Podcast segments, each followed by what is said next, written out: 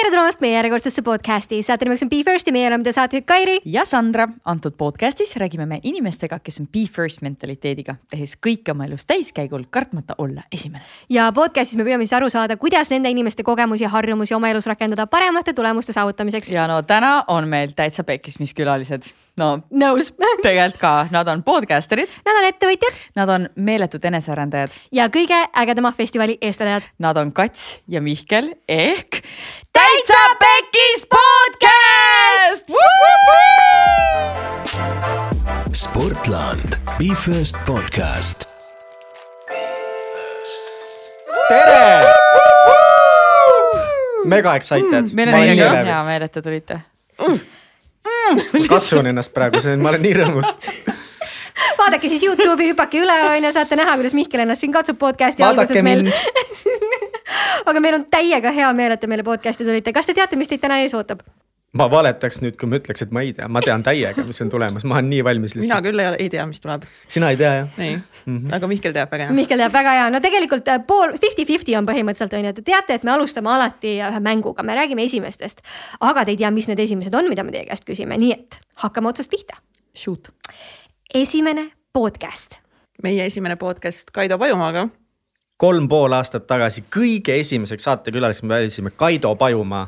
See on nagu mingi Eesti tippkoolitaja, me olime nagu Eesti tipp, mitte keegi ja, ja lihtsalt Kaido Pajumaa tuli meile saatesse ja, ja Kats just kuulis hiljuti selle saate üle, kuidas see oli, meie kõige esimene ma saade? täiega kartsin, et see on väga halb ja ma siis mõtlesin, vaene Kaido. aga ma kuulasin selle üle ja see oli täiega hea saade. no meie introd ja need asjad olid nagu väga, väga roostes ja väga halvad. aga Kaido andis nii head sisu, et see päästis täiega ära ja sa küsisid väga häid küsimusi ka Mihkel, nii et nagu oli täiega hea. ei, aga kuidas te saite ta, mis te, mis te rääkisite? Te olite nagu sa Mihkel ise ütlesid, nullist alustasite mm Mhm. -hmm. põhimõtteliselt. mm. -hmm. kuidas me saime? me olime vist Kaidoga just tuttavaks saanud. tegime vist ühele sellele, mis Raivo Johanson korraldas mingi meeste üritusele, tegime neile mingeid videosid ja siis, siis me saime just Kaidoga tuttavaks, siis meil kuidagi jumala klikkis. siis ma tegin temaga mingi intervjuu ja siis pärast seda ma ütlesin, et Kaido, ma alustasin podcast'iga, tahad podcast'i tulla? aga kas me talle ei saatnud videot või? Me vist alguses ei saatnud videosid. sest me saadame inimestele videosid muidu. kas ikka veel saadate? Sest nüüd te olete ju nii suured tegijad, et ma kujutan ette, et kõik ootavad seda kutset, et nagu oh. Oh. saaks podcast'i minna. aga ma arvan, et see video tegemine on meie selline sihuke nii-öelda trump või see on nagu midagi, mis näitab ära meie energia ja siis, kui inimesed saavad selle kutse, siis nad on, näevad ära meie energia ja see on nagu noh, lihtsalt nagu nii kihvt. nii meile seda teha, kui neile ka siis seda vaadata, et ma arvan, me jääme neid täiega kauaks tegema. tunnen nii, nii special'ina meid nüüd meie, meie video on äh, minu meilid. Ei, no me saime ka ikkagi video. Ah, selles, selles mõttes mõttes, et ei ole Eestis väga palju neid, ma kujutan ette. Teil vist on, on endal päris pikk list, keda te, keda te tahaksite veel kutsuda või kuidas, kuidas see protsess teil käib? me paneme suht tunde järgi. mm. -hmm. Et nagu me- hästi on palju on mõtteid, keda tahaks, aga nagu me kutsume ikkagi reaalselt nagu lihtsalt nii, et praegu on tunne, et tahaks just seda inimest kutsuda ja võib-olla meil on plaan küll mingi hetk, et oo davai, me kutsume need kümme inimest. siis me ei kutsu kedagi sealt kümnest inimesest, sest lihtsalt tuju on kutsuda keegi teine nüüd, et me paneme täiesti tuimalt, et kuidas lihtsalt tunne on. toimib. No selge, ma arvan, me saame sellest veel äh, päris palju rääkida pärastpoole ka. ja nagu ma saan aru, siis esimene podcast ikkagi oli väga suur õnnestumine. noh, kas just väga suur õnnestumine aga selles No no, mõttes võib öelda, tegelikult oli. tegelikult oli väga suur õnnestumine sellepärast, et meil oli lahe saade. me jäime seda asja tegema. Mina flip isin küll ära korraks, et nagu see oli nii kohutav, kõik mu sõnad, laused tuleb ära lõigata, ma käisin Katsile tegelikult pinda, et nad peaksid kõik maha lõikama ja edit ima ja. aga siis lõpuks, kui ma olin kolm päeva seedinud, siis ma sain aru, et tegelikult see on lahe saade, see on lahe asi, mida me teeme ja sealt lihtsalt. uh, noh, okei okay, päris nii ei läinud, aga aga kuidas täna on, kui palju te lõikate või ei lõika, kas te ise üldse kuulate veel üle pärast või? ei lõika põhimõtteliselt üldse, kui saatekülaline ainult ei soovi, et midagi välja lõikaks ja seda on põhimõtteliselt nagu üks kord juhtunud või kaks korda. kusjuures Home in Estonia, Home in Estonia kusjuures küsis just seda küsimust fänni küsimusena, et äh, kas ja kellel te olete pidanud ära lõikama midagi, et nad pärast ütlevad, et välja lõigata, nii Sandra. Minul lõikas jaa, ma mäletan seda. nii Jaa., mis sa välja lasid lõigata? Ma ei ütle nalja tehes. mingi täiesti mõttetu asja, ma, ei ütle, mis see oli, see oli jumala, see oli lihtsalt kõige ootam-, see oli lihtsalt mitte midagi noh. aga kas kellelgi on veel olnud siuke? oh, seraju, oh my god. ja täpselt mingi no come on, Sandra, issand jumal noh. ühe korra me lõikasime ka välja Erki Veiko saate alguse, sest noh, seda noh, ma ütlen suhteliselt vulgaarseid asju, aga seda ei kannata öelda, mida Erkki Veiko ütles, mis nalja ta tegi, siis ta sai aru, et see oli nii halb nali, et, et me kõik üheskoos saime aru, et peame selle välja lükkama. alguses me panime selle eetrisse ju.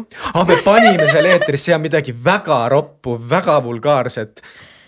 sisaldas ka emasid ja selle me ikka otsustasime maha võtta jah, aga muidu me ei lõika, editi mitte midagi, aga noh, et kui me saate üles paneme, ikka nagu kuulame korra üle ja, ja, ja Egert või siis ka üks teine inimene, kes meid täna aitab, et no vaata mingi nivood üle nii korra mm, -hmm. aga üldiselt nagu nii nagu ta tuleb, nii ta nagu läheb ja see ongi sihuke nagu meie nurk aga kas publiku poolt või kuulajate poolt on tulnud ka seda, et kuule, sellise asja panitegi sisse või? paar korda on meile öeldud, et me oleme vahepeal mingi, kas söönud ja joonud liiga kõvasti saates mm. -hmm et nagu võtke veits rahulikumalt. noh no, üldiselt me ei söö enam kunagi saates. no me sööme ikka, lihtsalt ära söö mikrofoni. Mihkel, millal sa viimati sõid saates, Mihkel, me, me reaalselt ei söö saate ajal. aa, võib-olla, ma nagu tunnen, et me oleks ikka mingit snäkse söönud, aga võib-olla mitte ka, võib-olla ei ole ka, võib-olla ei ole meil pole isegi laua peal midagi, meil on ka nagu kohvi ja vesi. aa, meeste saade, ei äh, no,. Triinuga tegin saade, siis kui, siis kui sind ei olnud, siis ma jälle sõin. Kats läks reisile ära, siis ma sain süüa saate all et ikka on nagu öeldud, sest muidugi me veel nii palju oleme õppinud selle aja jooksul, sest et noh alustades kasvõi parasiitsõnadest või kõvasti veidralt naermisest mikrofoni, et. et ma olen, mul on hästi selline usk, et jaa, ma tahan, et me oleme hästi naturaalsed, sellised nagu me oleme. ja savi, kui meeldib, siis meeldib, kui ei meeldi, ei meeldi, aga ajapikku ma olen ikka aru saanud, et okei okay, noh, tegelikult see on ikka otse kõrvaauku, nagu mulle meeldib öelda, see on otse kõrvaauku teisele inimesele, et võib-olla me peame ikka natukese ennast kontrollima, et me olemegi nagu tõmmanud mingit hingamist tagasi, naermist. Ja see on üks naljakas lugu ka, et et kui me alustasime saate tegemist, vaata me inimestena, me oleme, me oleme mõlemad müüki teinud, me, me oleme palju inimestega suhelnud ka enne ja tavaline asi on see, et sa tahad jätta teisele inimesele selle mulje, et ma olen olemas sinu jaoks. jah mm, -hmm, aa, mhm, mhm, okei, mm ja, ja see on normaalne tavavestluses, aga kui sa podcast'i ajal teed seda, siis ma ükskord nagu kuulasin oma mingit saadet ja ma lasin jutti ja Kats ka, mõlemad lihtsalt mhmh, mhmh. noh, kujuta ette, kuidas seda kuulata. enam seda ei tea, kui Youtube'is saad, vaadates, mis pead käivad koos mingi täpselt, et kes nüüd tahab äh, näha, siis vaadake Youtube'is seda saadet. siukest nokime teri kogu aeg. ja siis ükskord ma vaatasingi Youtube'ist ühte meie saadet, et me oleme ära õppinud Katriniga nüüd, et me ei tohi rääkida, aga nüüd me oleme silmadega kohal, siis kaks psühhopaati lasid sünkroonis niimoodi. et noh, nüüd peaks seda ka tagasi tõmbama. nüüd ma tahan Youtube'i minna ja vaadata seda osa nagu, mis osa see on öelge mulle kohe ära. ei mäleta okei okay,, siis tuleb kõik läbi vaadata lihtsalt. aga liigume edasi meie esimeste mängu küsimusega. esimene õnnestumine välja arvatud see esimene podcast siis.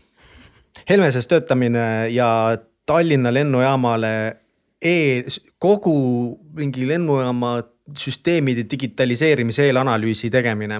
see su esimene õnnestumine. see lihtsalt tuli pähe. ma ei usu, et see oli elus. ei, see ei olnud, muidugi ei olnud, aga ma ütlen ausalt, see tuli sest ma olen, see on üks kõige uhkemaid asju minu üle, kui sa praegu küsid esimene õnnestumine, võiks jääda nagu.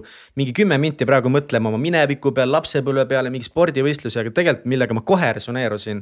nagu võib-olla siis esimene ähm, tead, tead, mis see oli, see oli esimene kord, kui ma tõestasin iseendale, et kui ma väga-väga kõvasti näen vaeva, ma suudan midagi ära teha. sellepärast, et ikka on asju õnnestunud, aga enamasti seepärast nagu läheb joppab või noh, et.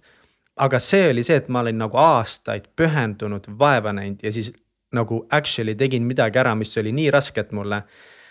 et ma olen nii, nii, nii üdini uhke enda üle selle üle, et see oli tõesti nagu esimest korda, kui ma tõestasin endale, et ma päriselt suudan võib-olla kõik ei tea, mis on Helmes ja mida sa seal tegid? Äh, Helmes on üks Eesti tarkvaraettevõte ja ma töötasin seal siis äri ja süsteemi analüütikuna. mis see tähendab? Äh, ma ei tea, kui pikalt te tahate praegu sellest rääkida ja Katsi esimest õnnestumist tahaks ka kuulda. aga võib-olla nagu lühidalt ma võin öelda seda, et siis ma olen müügitaustaga, mingi hetk otsustasin siis pivotida oma elu ja minna tarkvaramaailmasse. ja süsteemi ja ärianalüütik sisuliselt on väga suures osas lihtsalt projektijuht kõik teate projektijuhi tööd, on ju palju klientide kõnesid. aga see on nagu tehniline, ehk siis ma pean klientide nagu IT-vajadustest aru saama, soovitama, suunama neid ja siis äh, viima arendajateni, et minu kõige tähtsam ülesanne oli kliendi sõnad nagu arendajatele selgeks teha. Ja, ja, ja mingis osas natukese sinna juurde oli ka mingit teatud süsteemi arhitektuuri, et nagu hästi suures pildis. et tehniliselt ikkagi ma olen küllaltki nõrk, et mul on muud tugevused, aga, aga ma pidin ka suutma vahepeal vaadatagi mingit süsteemi ja ütlema, et kuidas nagu erinevad tarkvarad võiksid omavahel kokku sobida mis on mõistlik, mis ei ole, et nagu, et sa pead seda hoomama võib-olla, et. kui sa oled mingisuguste suurte korporatsioonidega kõnes, neil on mingi idee, et sa pead suutma nagu neid seal kohe suunata, et oh kuulge, et see on nagu kohe praegu näeme, et see on liiga kulukas, see on liiga mahukas. et äkki me saame selle vestlusega minna sinna ja sinnapoole, et noh, sihuke ümmargune vastus, aga. aga sellel ei olegi ühte õiget vastust. ei no pildi tegi ikka selgemaks. ma arvan, et lahe on selle juures nagu see, et Mihkel oligi enne terve elu põhimõtteliselt tegelenud ainult müügiga. ja siis, et ta sinna Helmesesse läks ärianalüütikuks, oli nagu täiesti nagu noh, nagu totaalne pivot ikka.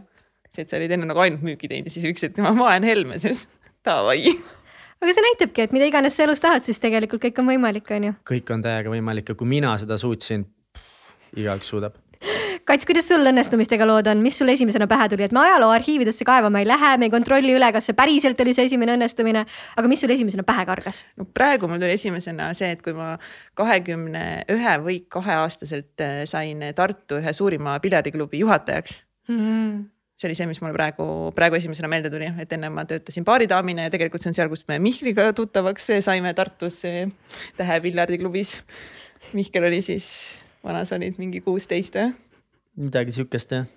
võis küll olla jah. ja ma olin vist just gümnaasiumisse läinud äkki, mis ma olin ikka vist gümnaasiumis siis, kuusteist, seitseteist. midagi, võib-olla kuusteist. siis Mihkel õpetas mulle piljardit mängima ma üldse ei kujutanud ette, et te nii kaua üksteist tunnete, aga nagu täitsa We go way back. way back. palun tehke eraldi saade selle kohta nagu teie ajalugu. ma kuulaks väga huviga. ah, seda, see oleks väga huvitav. on on ju kas me ei ole rääkinud sellest niimoodi, võib-olla ei ole tegelikult. sellest ei ole, ma olen kõik osad ära kuulanud, te ei ole sellest rääkinud, nii et. kõik osad ära kuulanud oh.. ma olen väga, ma olen väga true fänn Holy, vau, aitäh aga siinkohal võib-olla siis äh, räägimegi natukene sellest, et äh, millised olid teie esimesed muljed teineteisest? kui te nüüd seal piljardiklubis siis kohtusite, et mis oli esimene mulje Mihklist, mis oli esimene mulje Katsist? Oi vana, siit tuleb head sisu.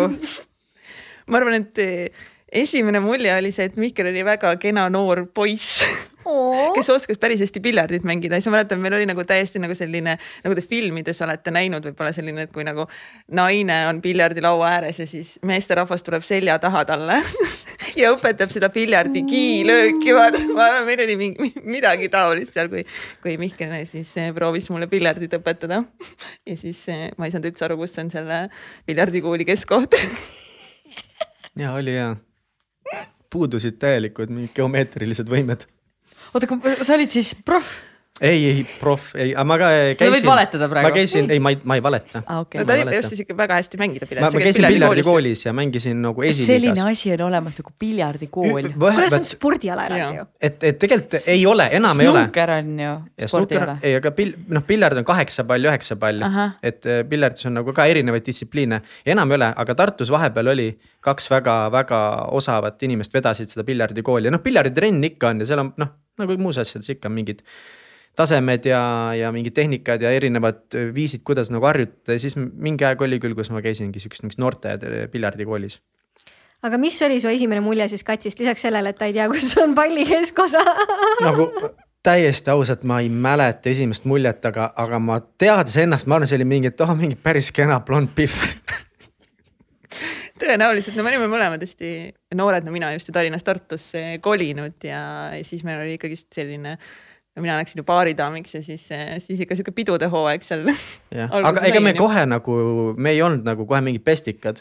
mis asja? et selles mõttes, et nagu me lihtsalt nagu kuidagi olime seal saalis koos, sest nagu natukese aega läks aega, enne kui me võib-olla kuskil koos mingi väljas käisime või muud ajal hakkasime koos aega. täpselt enam ei mäleta, kuidas need asjad edasi eskaleerusid tegelikult. oot-oot, aga kui Kats arvas, et ilus noor mees ja Mihkel arvas, et püss äh,, Pihv, siis äh, mis seal nüüd siis nagu mingi. mis valesti läks? mis nagu, mis juhtus nagu, mis, mis, mis siin? midagi ei juhtunud kuidas siis nii? ma ei tea nagu me oleme mõeldud olema nagu parimad sõbrad, nagu õde ja vend. aga kas, kas te, te tegite juba sellel ajal mingisuguseid projekte koos, mõtlesite mingisuguseid ärisid või see tuligi, see koos tulemine, koos tegemine tuligi siis Täitsa Pekkis podcast'iga? Ei tulnud ennem ju, mina läksin vahepeal ju, mina käisin raamatuid müümas, siis Mihkel läks veel ju ka raamatuid müüma mm -hmm. ja siis mina kolisin Tallinnasse tagasi ja siis tulid sina Tallinnasse mm. -hmm ja, ja, ja siis me ei, vahepeal me üldse ei suhelnud natuke aega. aa, vahe, mingi paar aastat võib-olla üldse nagu väga ei suhelnud ja, ja siis me hakkasime koos võrkturundust tegema. siis ma kutsusin Katsi endale tiimi ja Kats oli minu esimene tiimiliige, kes tuli minu tiimi ja sealt kuidagi nagu oligi, saime aru, et me oleme tegelikult väga tugev tiim koos ja ja nii palju lihtsalt nagu nii palju sitta koos näinud, et. oh, ma ei tea, kas nii võib siin öelda, aga ja me nagu selles mõttes, et siukseid sõnu ei tsensuuri. Aeg-ajalt me piipe panema, aga, aga seda juhtub harva, siis peab ikka väga ropuks minema asi. aga me liigume edasi esimeste mänguga. räägime, mis oli teie esimene töökoht? minu esimene töökoht oli mm, Bau, Bauhofi keskuse eh, seal kohvikus müüsin mingeid aiakesi. vana sa olid siis?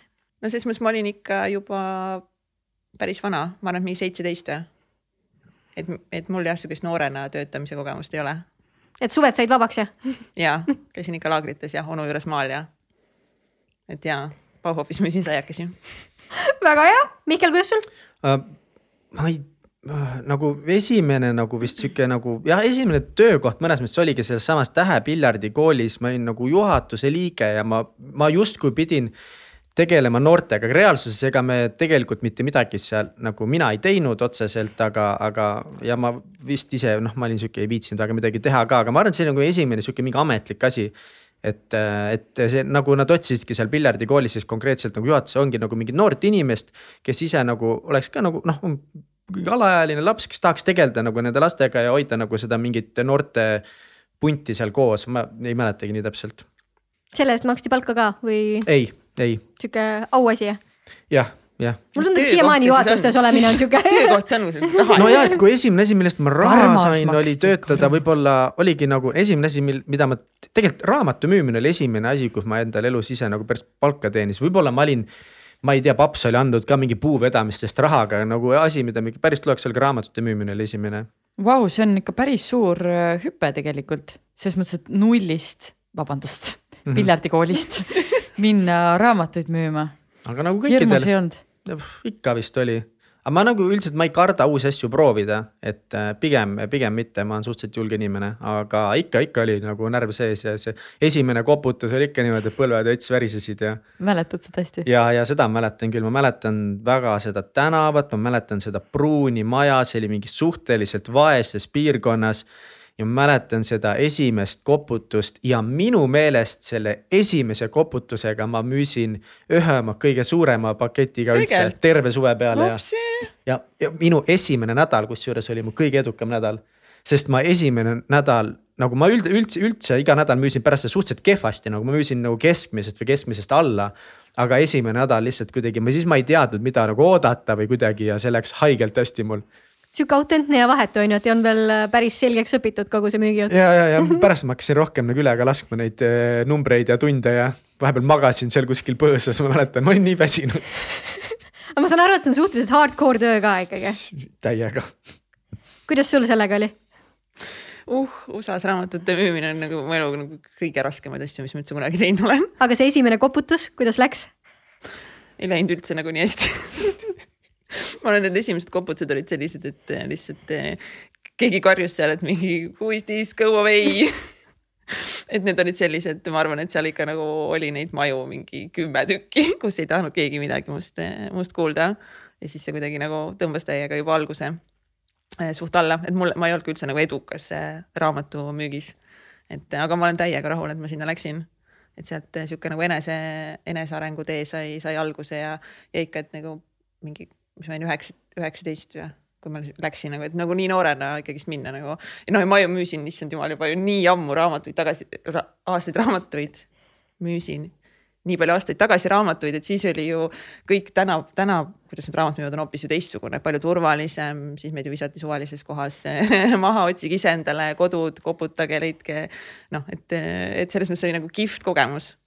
aga I would never do it again okei okay,, see tegelikult oligi mu täpsustav küsimus, et äh, kas te läheksite tagasi praegu? ei, praegu kindlasti mitte, aga ma ikka tahtsin teiseks aastaks minna, aga siis ma ei viitsinud ette valmistada. ja siis, kui see suvi jõudis kätte, teine suvi, siis ma olin mingi, ups, kuule, ma ei ole üldse midagi ette valmistanud, ah ma tulen järgmine kord mm. ja siis seda järgmist korda ei tulnud kunagi enam. minu arust müügitöö on üks kõige raskemaid töid üldse. aa, ma vihkan see... seda. tõsi et eh, jah, et eh, hea meel, et isegi seda tegema ei pea, aga siinkohal on meil vaja edasi liikuda esimeste mänguga ja ma kujutan ette, et teil oli raamatuid müües väga palju piinlikke hetki, aga ma ei tea, kas seal oli mõni teie esimene piinlik hetk? terve see raamatümüük oli üks piinlik ma võtaks ühe konkreetse näite. Liisa-Maria Connor rääkis siin, et keegi tuli püss, püssiga välja uksest ja mul oli ka see, mul oli ka mingi no see pole piinlik, see on juba nagu. okei see on juba hirmus. hirmus ja aga ta ei olnud nagu selles mõttes, see võib kõlada hästi hirmus, aga minul ei olnud vähemalt see nagu nii hirmus kogemus, et mingi lihtsalt onul oli ja mingi nagu püstol käes ja tal minu arust oli paljas ülakeha ja mingi sihuke, aga ta oli sihuke nagu mingi noh, nagu sihuke mingi natuke turskem dude, vaata nagu mingi umbes mingi what up nagu ma olin mingi piis nagu, et noh, mingi romp, sa tahad, et you must be the dad of the house nagu. mingi no, no, no I have no kids, vaat siis ma mingi bye. Aga oli sul Mihkel midagi piinlikku jah? mul tuli üks väga piinlik hetk koolist meelde. Nonii. ühesõnaga ähm,, ma olin põhikoolis siis mm,. kuidas ma seda nüüd, kuidas ma nüüd seda, ühesõnaga, ma olin otse, otse, otse ja ausalt ühesõnaga igatahes ma olin äh, põhikoolis mingi, mis iganes vanus see oli, seda ma enam ei mäleta. aga poistel ikka tekivad huvid siis selles vanuses tüdrukute vastu, naiste vastu, seksi vastu, selle, seda kõike leiab internetist väga palju, esimesed korrad, kus hakkad internetis otsima mingeid huvitavaid videosid, filme, pilte ja siis ei olnud veel selliseid häid kanaleid nagu Pornhub, eks ole, kus on kõik sulle ette antud jumalikud, mida iganes sa tahad. see oli see aeg, kus sa pidid neti.ee-st otsima ja surfama või kui sa tahtsid mingi äh, seksfilmi alla tõmmata, siis mäletan mingi Limewire'ist on ju, see oli mingi kahepäevane projekt. aga olid ka, ma mäletan, olid sellised saidid kus sa said nagu mingi, et ah, mingi viis krooni ja näed mingit paljast naist umbes noh. ma ei tea, kas te mäletate või kas te kuulsite, kunagi olid umbes noh, mingi SMS-iga said nagu mingeid ligipääse mingitele videotele ja siis.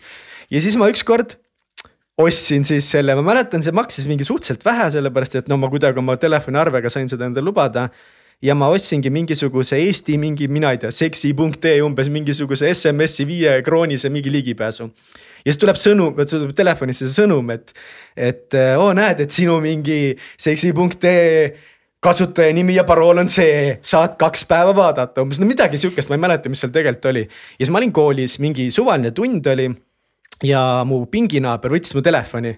ma ei mäleta, miks, ma ei mäleta, mis seal toimus. Ja ta hakkas mu sõnumeid lugema ja siis ta nägi seda ja siis ta oli üle klassi. oli mingi, oo Mihkel, mis see siin on? ja luges selle valjult ette. Ja ma läksin täiesti nagu paanikasse ja ma hakkasin hullult heitma mingi, ei, mis asja, sina, ei, sina just selle tegid. On ja siis ta loeb sealt kuupäevast, siin on sõnumi kuupäev, mida sa ajad, ma olin täiesti nagu see full denial'is. ei, ei, ei, sina praegu tegid seda, mul oli nii piinlik ja mul oli nii häbi nagu, kuigi noh, kõik me vahtisime porri sel ajal või noh, et ma mäletan, see oli nii piinlik, kogu klass naeris ja oh my god, pidi maa alla vajuma ja ma olin nii tugevas eitamises, me kõnd-, sest ta oli nagu vist nagu mingi umbes parim sõber mul sellel ajal. me läksime koos koju ka. Ja siis ta mäletan seda koduteel ütles, et Mihkel, et nagu, et mida sa nagu hullult eitasid seda, et jumala savi umbes, et noh miks sa nagu eitad mulle onju. ja ma olin nii eitav, siis ma olin mingi, ei, sina tegid seda, me olime kahekesi keset teed ja ma ikka eitasin, et ei, sina tõmbasid selle, mina ei tea midagi see on. täna siis siin saates saab teada et, et sa ikka tõmbasid mind selle. see, see ikka olin mina, see olin ikka mina, kes selle SMS-i sinna saatis ja see ei olnud keegi teine uh,. Vau, ma isegi ei teadnud, et need sellist, ma, ma jah ja. Polnud õnne. saime targemaks taaskord, ei ole siin midagi. Patrik noogutab seal ka ekraani taga, aga me oleme. tegi praegu Pornhub Premium konto ära endale aga me oleme jõudnud meie esimeste nagu viimase küsimuseni ja ma kujutan ette, et te oskate seda oodata, sest me peame ikkagi küsima, et teie esimene pekkiminek USA-s raamatute müümine. Sul on hea, see üks asi lihtsalt teeb, vastab väga paljudele küsimustele sinu elus, nii et. Oh.. oota, aga, aga miks? Mi,, miks, miks sa ütled, et see oli pekkiminek? pekkiminek eh, selles mõttes oodatud eh, eesmärgid ei saanud saavutatud suuremas osas, kui me räägime nagu müüginumbritest ja, ja kõigest sellest et ma usun, et ta oli nagu pekki, ta ei olnud nagu pekki, pekki, pekki minek, on ju, et ma ei jätnud suve pooleli ja ma tegin lõpuni, seal oli väga palju õnnestumisi ka, aga suures osas ma loen ikkagi seda pekki minekuks, sest ma ei läinud teist aastat rampsi müüma. Aga ma mõtlen, et kas, kas see, et sa panid endale need ootused äh, nii kõrged, kas see oli see, mis tekitas selle pekki mineku? kindlasti, seal on selles mõttes, sa lähed rampsi USA-sse müüma, siis sul on nagu mingid ootused kogu iseendale tiimi poolt pandud, et sa lähed ikkagist deliver dama. aga mõtle, aga kuidas aga kuidas seda pannakse, kui sa teed seda täiesti esimest korda ja sa pole mitte kunagi sellist olukorda, kuidas see on võimalik panna eesmärk nagu numbriline eesmärk millegile sellisele, mida no selles mõttes, et mida rohkem nagu müük on numbrite mäng ja mida rohkem uksi sa läbi koputad, seda rohkem müüki sa teed. lihtsalt ma siis, ma lihtsalt ei koputanud piisavatele, piisavalt paljudele ustele. Kui pikad need tööpäevad on, kui see on reaalselt numbrite mäng? meil olid ikka, kas me kell seitse olime selles eh, hommikust söömas ja me kell kaheksa olime turfis juba, kaheksa-üheksa. turv? jah, nagu oma alas aa, okei okay. mm. -hmm. see on ikka rets pikk tööpäev ju. ja no õhtuni Ja ikka välja tõesti jah. ja nagu terve päev lihtsalt käid ja Mhm. koputad mm, -hmm. käid ja koputad ja käid ja koputad. mitu päeva nädalas? kuus, kuus jah. kas te lugesite kokku ka palju neid uksi tuli kindlasti, aga mina enam ei mäleta. mina küll arvutasin, ma koputasin suvega eh, mingi kolme tuhandele uksele oh issand. palju teist umbes müügid tulid? oh,. väga-väga väike protsent, ma ei tea seda, aga noh, ikka nagu noh, ikka metsikult väike protsent, kui sa niimoodi võtad, aga nagu selles mõttes, et see ei olnud midagi, mida ma ei teadnud, selles mõttes, et nagu eh, noh, mind selles mõttes valmistati väga hästi ette nagu, et ma teadsin konkreetselt öeldagi, et nagu oled valmis, on ju kuuepäevased tunnid, kuuepäevased tunnid, kuuepäevased nädalad eh, on ju noh, et see oli kõik see, et see on see, mis tuleb, et nagu seda prep iti mitu kuud, räägiti, et nii hakkab olema, on ju. aga siis, kui sinna läks, siis ma olin ikka mingi oot, aga ikka nii palju pean ikka tegema umbes või. Ja et see reality on ikka see nagu päriselt hitib, siis kui sa sinna päriselt kohale jõuad oma esimeste uste juurde, sa oled mingi seljakotiga seal nagu mingi üksinda vaata mingi USA-s nagu mingi fuck, kuidas ma siia sain. oota, aga kui sa praegu pead mõtlema, Kats, siis mis, mis on see õppetund, mis sa sealt nagu võtad, mis on tõesti selline, et aa, jah, see oli nagu kõige parem asi, mis selle aasta, aasta jooksul või selle, selle kogemuse jooksul. ma arvan, kõige vingem on ikkagist see, need inimesed. Ja see mindset, mis sa sealt kaasa saad, et äh, see, et näiteks, mis minuga on alates sealt tulnudki mingid põhimõtted elus, ongi see, et kontrolli neid asju, mida sina saad kontrollida. ja et äh, elu juhtub alati sinu heaks. ja ma arvan, et nagu noh, need on lihtsalt kandnud mind alates sellest ajast. et selles mõttes ma olen ülitänulik sellele raamatu müügi, müügisuvele ja eks ta nagu näitaski ära, et ikka on mingid eh, tugevad nagu mingid hirmud sees ja et ja et ikka koduigatsus oli tohutu ja, ja aga ja väga-väga-väga kihvt oli, kui lõpuks koju tagasi sai. et tagasi vaadata on tore, onju. tagasi vaadata on täiega tore ja aga Mihkel, kui me vaatame nüüd sinu esimest äh, pekki minekut, siis kuhu see läheb, mis kategooriasse? no ma arvan, et ka mina loeks tegelikult nagu mitte sellest raamatumüügist täna tahaks nagu nii palju rääkida Mm. otseselt, aga, aga, aga see oli kindlasti nagu esimene kõige suurem selline, kus ma tundsin, ma vedasin ennast suurelt alt, et ikka mingeid asju pekki läinud nagu noorena, mul oli hästi nagu raske lapsepõlv kooli kiusamise osas, et seda võib väga suureks pekkiminekuks nimetada, et. et mitu aastat ikkagi kooli kõndisin suures hirmus ja, ja värisesin ja kartsin ja väga palju mingeid sisemisi traumasid on tulnud, millest ma nüüd täna aru saan, mida ma pean lahti kooruma. et seda võiks nimetada, aga, aga see oligi nagu, et noh, see oli see, mis minuga juhtus ja raamatumüük oli esimene suur pekkiminek, kus ma ise vedasin ennast alt. aga noh, õnneks sa tegid, läksid Helmesesse ja tõmbasid sellele nagu sellele probleemile nagu uue pahtli ja kõhi peale, et. täpselt ja aga mm, räägime ja, ja esimest mäng sai läbi, nii on ja, ja ma saan aru, et sa juba triivid sinna töötandrile onju. absoluutselt. nagu ikka eestlasele kohane. eestlasele kohale ja mind lihtsalt väga-väga huvitab, et äh, kuidas sai üldse alguse Täitsa Pekkis podcast? ja see oli üks populaarsemaid fänniküsimusi ka siinkohal mainin tegelikult mm. -hmm. fänni küsimused, nii lahe. enne Täitsa Pekis saatega alustamist, siis äh, ma töötasin televisioonis ja tulin sealt nagu väga suure valuga ära. Mis see tähendab? et tegelikult mulle hullult meeldis televisioonis äh, töötada. aga ma pidin sealt kahjuks teatavatel erinevatel põhjustel ära tulema. ja mul oli hinges ikkagi see, et mingi, ah, mida väike täiega tahaks teha ikkagist mingit, mingit telesaateid tahaks teha. siis mõtlesin, et äh, aga miks mitte siis nagu teha lihtsalt enda telesaade ja siis müüa seda siis mingitele erinevatele äh, telekanalitele. Ja siis äh, kuna kuidagi see valu oligi nagu nii suur ja üldse nagu ma ei teadnudki enam nagu mida ma siis elus täpselt teha tahan ja siis tunduski, et nagu kõik läheb ainult nagu mingi allamäge. Ja siis ma mõtlesin, siis kuidagi nagu ütlesin taga, et kas nagu teistel inimestel on ka nagu vahepeal nagu täiega raske ja nad ei tea, kuhu nad liiguvad ja mida nad üldse elus tahavad ja neil on nagu ka täiega valus. ja siis ma mõtlesin, et, et alguses teeks telesaadet, et ongi, mul tuli kohe see nimi Täitsa Pekkis.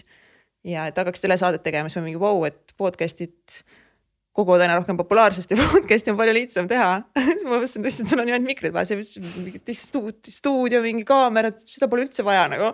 et eh, miks mitte siis eh, hakkaks podcast'i tegema, siis mõtlesin, issand, üksi ikka ei hakka tegema keelasin Mihklile, kuule, et davai, et eh, saame kokku. ja siis saime kohvikus kokku ja siis ma ütlesin Mihklile, kuule, et davai, et hakkan podcast'i tegema. täitsa pekis on nimi ja hakkame inimestega juttu ajama. siis Mihkel oli mingi. davai sa ei mõelnud ka vist kordagi onju? aga ma mäletan, ma olin vist nagu, et ma ei tahtnud commit ida hullult palju nagu.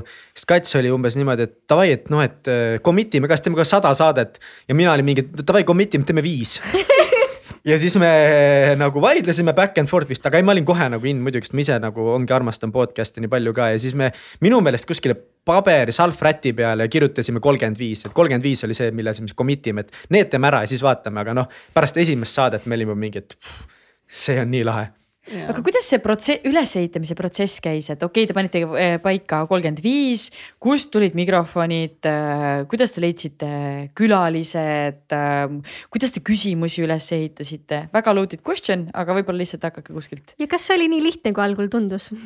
Ma arvan, et siis selles mõttes suures plaanis minu jaoks oli hästi lihtne, sest mulle meeldib hullult uusi asju alustada, käima tõmmata ja see, et ongi, et alguses, kui ma ei tea asjadest, siis minu jaoks on see hästi lihtne nagu ja rohkem, mida, mida teadlikumaks mingis vallas saad, siis tekivadki mingid endal vaata mingi hästi palju hirme ja, ja muid, muid küsimusi, et mulle nagu meeldib hästi alustada erinevate asjadega ja see tundus, et mis seal siis nagu on. Ja siis meil ongi nagu mingi stuudiot vaja, külalisi, siis no, keegi, kes heli, heli töötleb ja, ja mul ühel sõbral äh, muusikul oli enda, enda stuudio, kus ta nagu laule salvestas ja siis ma olin mingi, joo, Meelis, kas võime sinu stuudiot laenata? seal Mustamäel, kus ma käisin ei, ka? ei, see ei olnud Mustamäel, esimene ei. oli Arigatos, Meelis Aa, kolis pärast sinna Mustamäele, kus Sandra käis, esimene stuudio meil oli seal äh, Rocca al Mares seal Arigato juures. Mm. -hmm. aga siin on oluline mainida seda ka, et, et miks meil oli hea alustada, vaata nagu tiimiga on asju lihtsam teha, tegelikult me alustasime kolmekesi. Äh, Katsi elukaaslane Egert ka kohe algusest peale meiega ja tema on äh, tehnilise taustaga inimene, et nad kohtusidki televisioonis ta on noh, režissöör, kõik jutud ja, ja me ei pidanudki tegelikult tehnika pärast väga muretsema, et. et pigem oli Egert see, kes vaatas, et meil oleks need mingid mikrid olemas, et need ühendatud on, kõik see heli töötas. aga siiski meil oli alguses niimoodi, et külalisel oli oma mikker ja, ja meil oli kahe peal üks mikrofon me rääkisime Katsiga kõrvuti niimoodi rääkisime ühte mikrisse. ja seda mäletan jah et.... aga kaua see nii oli siis? olid ajad, kui see oli võimalik olid ajad ja, ma ei mäletagi isegi. ma ka ei mäleta. ma ei usu, et me väga kaua seda tegime. ma arvan, et mingi viis saadet äkki oli käinud. viis kuni kümme saadet jah ja, maksimum. ja külalised nagu ka, selles mõttes, et see tegelikult oli suht lihtne, see podcast'i alustamine suhteliselt lihtne protsess, podcast'i hästi teha on võib-olla keeruline, aga seda alustada on nagu väga lihtne ja. ja me lihtsalt vaatasime oma tutvusringkonnas, kes on mingid, me vaatasime kahtepidi, et, et kes on nagu ägedad inimesed ja keda me julgeme kutsuda et me nagu seda mõlemat kaalusime, tegelikult me ei julgenud päris igaühte ka võib-olla ikka kutsuda. ja siis me vaatasime, kes on nagu ägedad inimesed, keda me julgeksime kutsuda ja siis tegimegi neile kohe need videod minu meelest juba siis või ei teinud või? kas ma võin küsida, et mida sa, mida selle julguse all silmas pead? et, et, et nagu kirjutada talle, et julgeda või selles mõttes, et, et äh, ma ei tea, seda inimest ma ei julge kutsuda, sest et ma ei tea, mida ta räägib et mis, mis mõttes sa silmas? ma ei tea, mina näiteks ei mäleta üldse seda, et, et minul oleks olnud seda, et, et me, et me kuidagi ei julge kutsuda, et me pigem nagu vaatasime, kes on enda tutvusringkonnas või noh, vähemalt mina mm -hmm. ei mhm. mäleta seda tunnet, et ma ei oleks nagu julgenud kedagi kutsuda või kuidagi. ma ei tea, aga meil oli kohe nagu mingid inimesed, keda me tahtsimegi kutsuda ja Liisa-Maria Connor oli üks esimestest on ju, ta oli minu meelest meie kas neljas saade äkki või? midagi sihukest jah. ja, ja, ja, ja Liisa oli, Liisa saade nagu tõmbas täiega äh, käima meie, ma arvan, kogu selle Äh, podcast'i. Ja noh, ma arvan, et ma ei oleks julgenud lihtsalt nagu, et seal saates on nagu keegi nagu noh, ongi, et sõbraga on lihtsam rääkida, et kui ma tean inimest, see on lihtsam versus, et noh. ongi mingi Peeter Oja tuleb sinna või keegi on ju. ma ei tea, kui Mihkel vist sind ei olnud, siis nagu minu meelest suht alguses oli meil, ma mäletan Erki Veiko, siis me kutsusime Genka kohe. et nagu vaata mul, mul ei ole üldse siukseid nagu mingi, no et keegi on kuidagi nagu minust nagu noh, nii-öelda nagu edukam või kõrgem, mul on nagu mingi davai, mingi Genka, ülilahe, mingi muidugi noh. nagu nüüd vaatad tagasi, oh jesus christ on ju ei, aga nii ongi, nii need kõige ägedamad asjad juhtuvadki, kui lihtsalt lendad peale no.. jaa, energiaga lihtsalt äh, lendad peale ja selles mõttes, et ega meil ei ole nagu väga ei öeldud ka, et on nagu väga väheseid inimesi, kes on öelnud lihtsalt nagu no for now mm, -hmm. et praegu ei ole lihtsalt see, et kui ma tahan nagu jagada, aga vaatame tulevikus mm. -hmm. ja ei tasu ennast maha teha. Ei ei no tasu. päriselt ka, sest et meil on äh, Jüri Pootsman käis just äh, aa, külas. Jüri, shout out to Jüri oh,. Jüri on nii tore, ma magasin selle maha, sest ma olin haige ja Jüriga oli täpselt see, et ma mõtlesin, et okei okay,, ma kirjutan talle, ma nagu loodan, et ta tuleb, Jüri oli ise niimoodi jaa nagu ta oli ise nagu nii valmis tulema, jah, kutsusite siin, et teised sõbrad on juba käinud, kõike mind pole veel kutsutud, et umbes, et ma juba mõtlesin, et kas mind üldse ei kutsuta.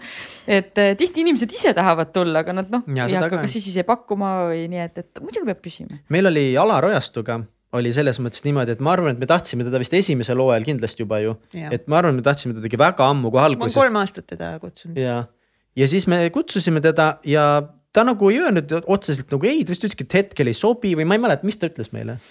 et praegu ei ole õige aeg. praegu oli õige aeg ja nüüd ta tuli meile siis neljandas hooajas, neljanda hooaja alguses ja, ja see oli kõige õigem aeg, see oligi ideaalne, et ta tuli siis, meie olime temaks valmis, tema oli meieks eriti valmis. mina olin siis valmis, kui ma mingi rämedas silmapõletikus no lihtsalt see oli Ai, bad luck. pärast. EMO-s haiglas kaks päeva ja see oli ka minu üks kõige nagu oodatumaid saateid, et ma olin väga nagu kolm aastat aeg taga ajanud, et davai, davai, davai ja siis Alar oli mingi davai, nüüd on õige aeg, nüüd ma tulen. ja siis see päev ma lihtsalt suren selle poole saate peal, ma lihtsalt läksin te teise, teise ruumi ja lihtsalt nagu mingi magasin seal.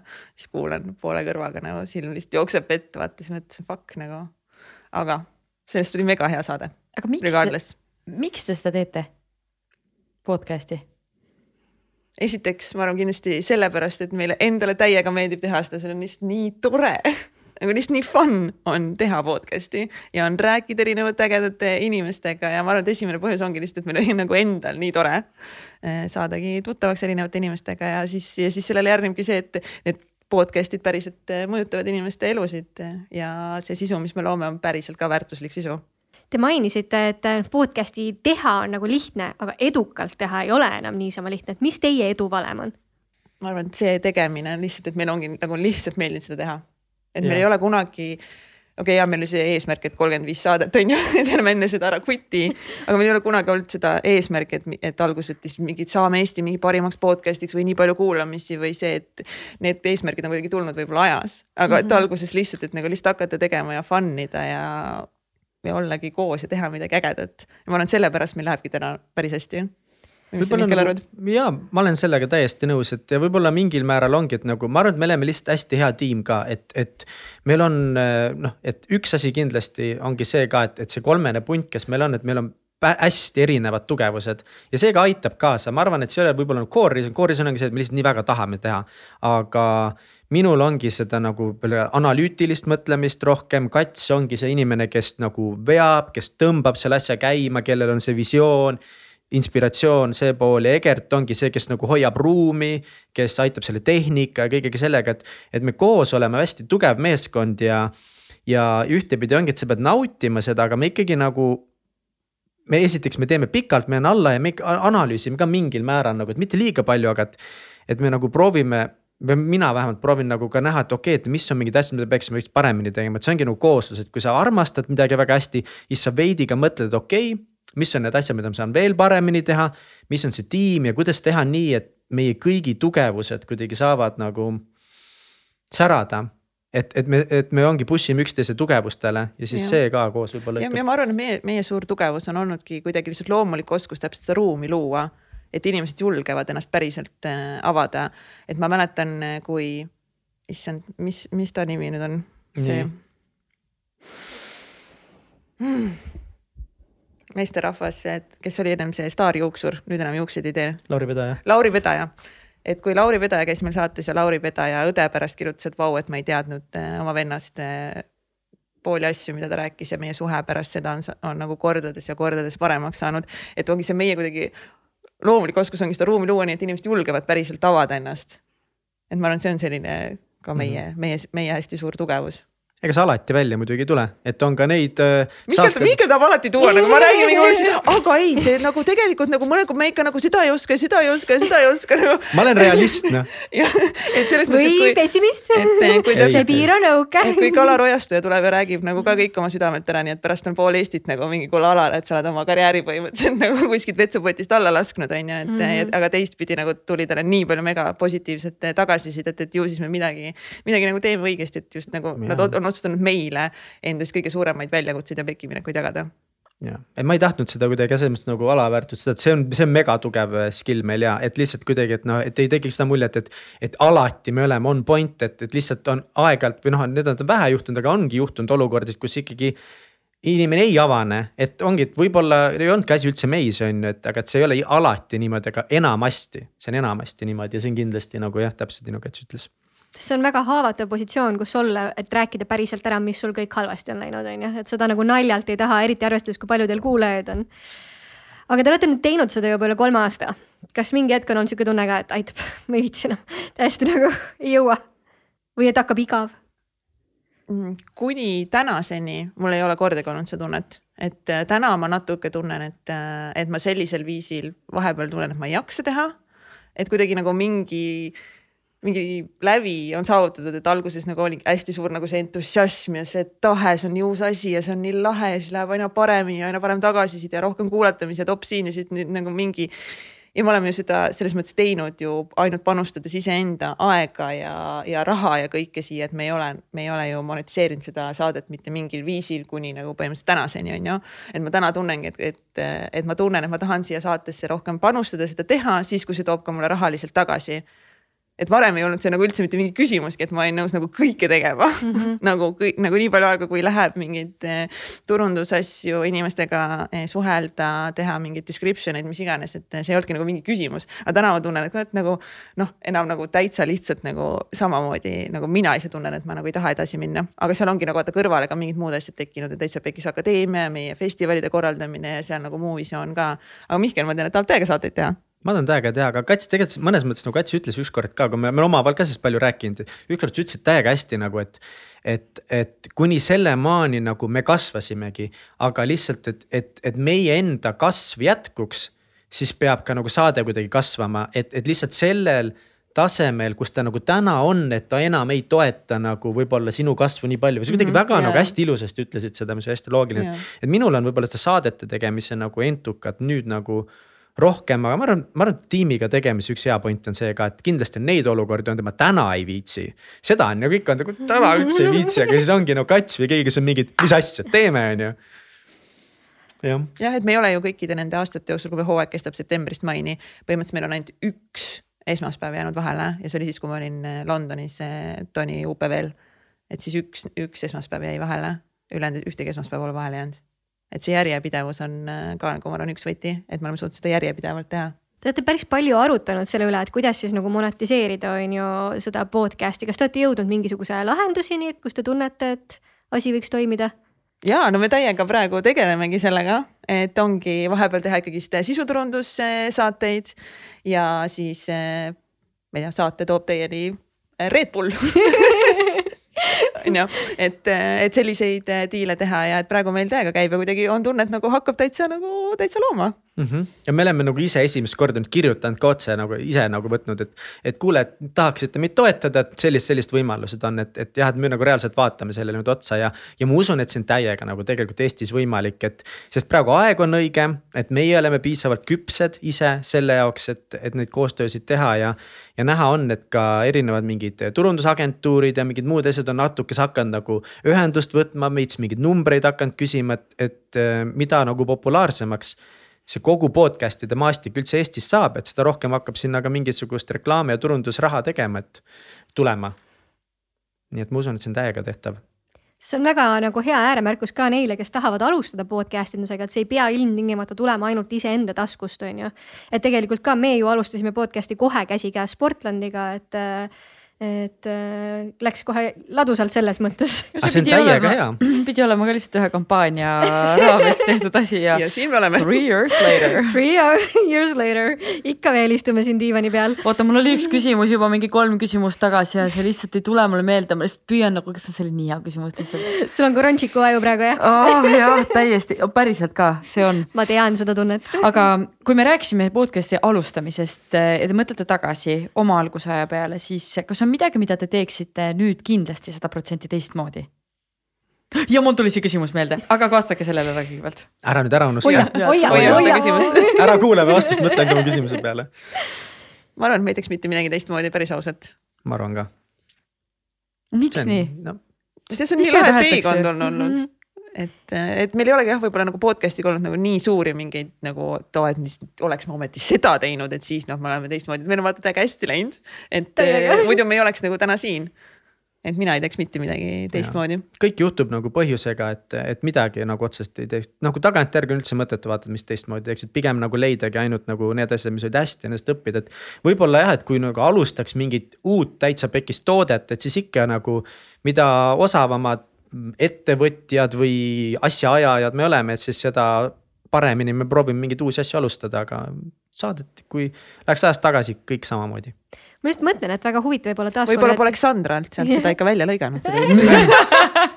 One thing, aga te on kindlasti teil kuskil arhiivides olemas, paneme nagu originaali nüüd ülesse. ei pane, paneme ainult selle klipi, mis ta palus välja lõigata ja paneme selle, teeme reelsi sellest.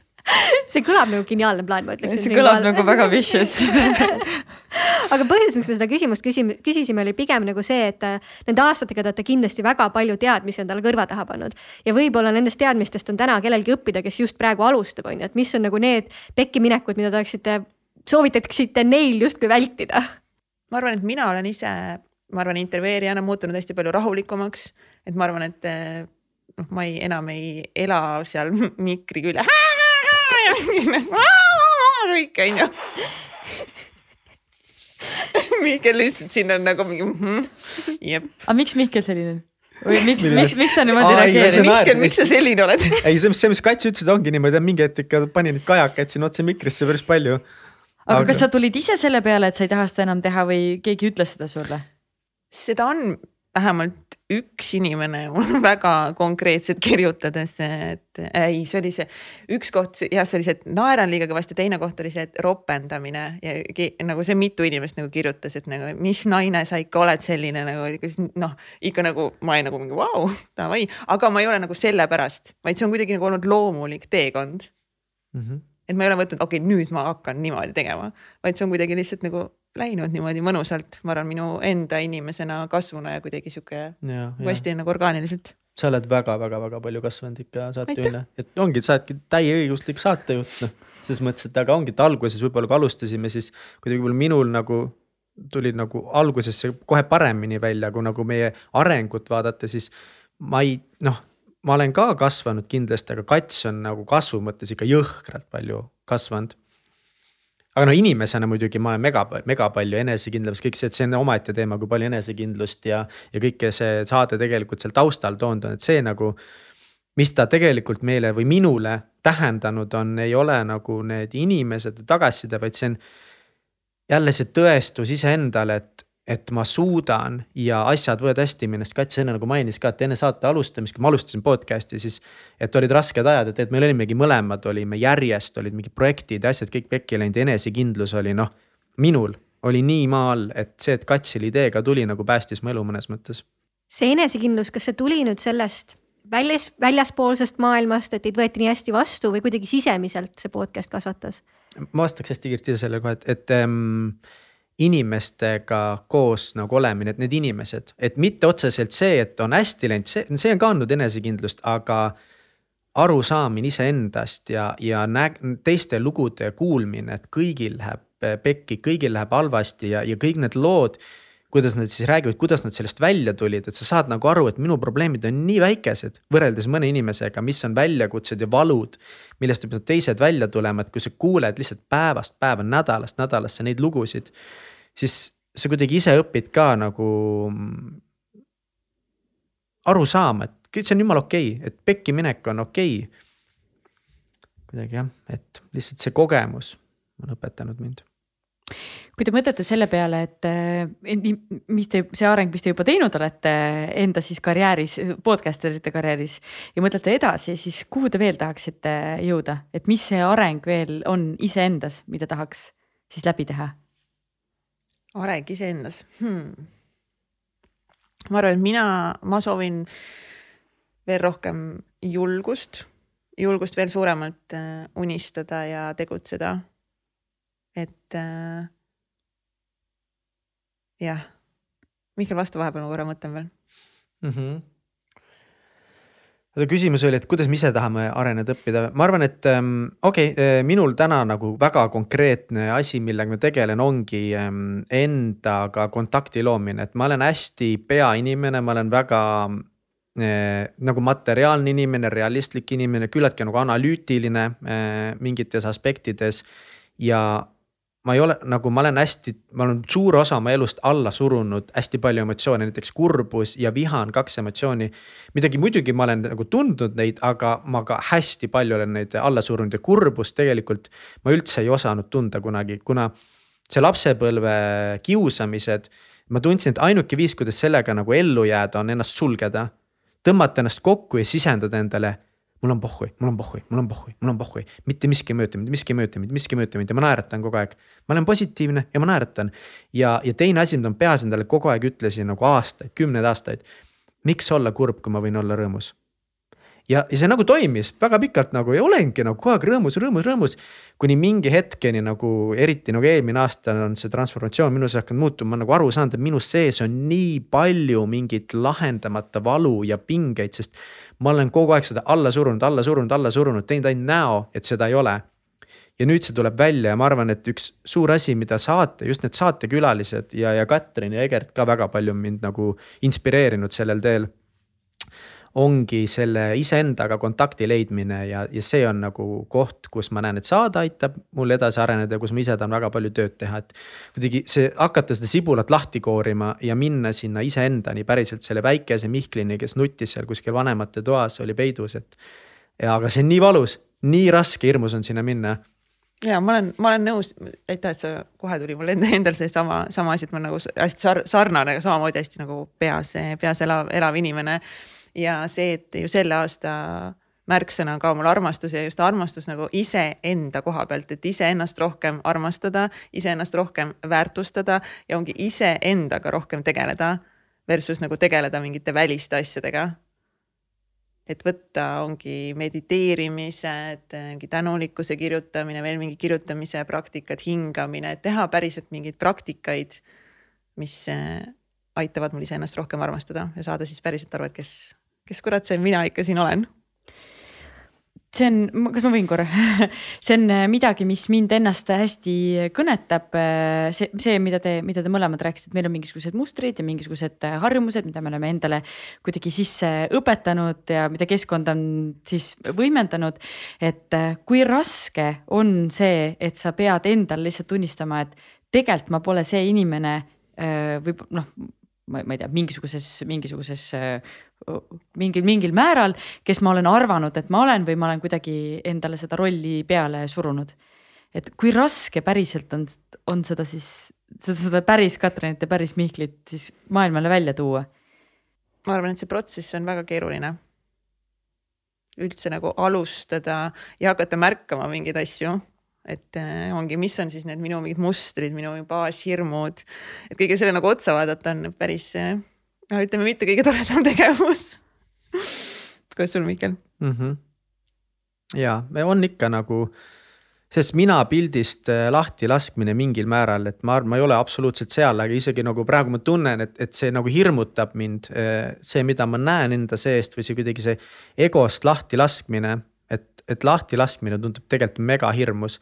et kes ma siis olen tegelikult, kui ma lasen lahti nüüd, kui ma lasen lahti sellest saatest, kui ma lasen lahti oma sellest vanast katkisest bemmist, millega ma ennast mingit väärtust nagu proovin tõsta.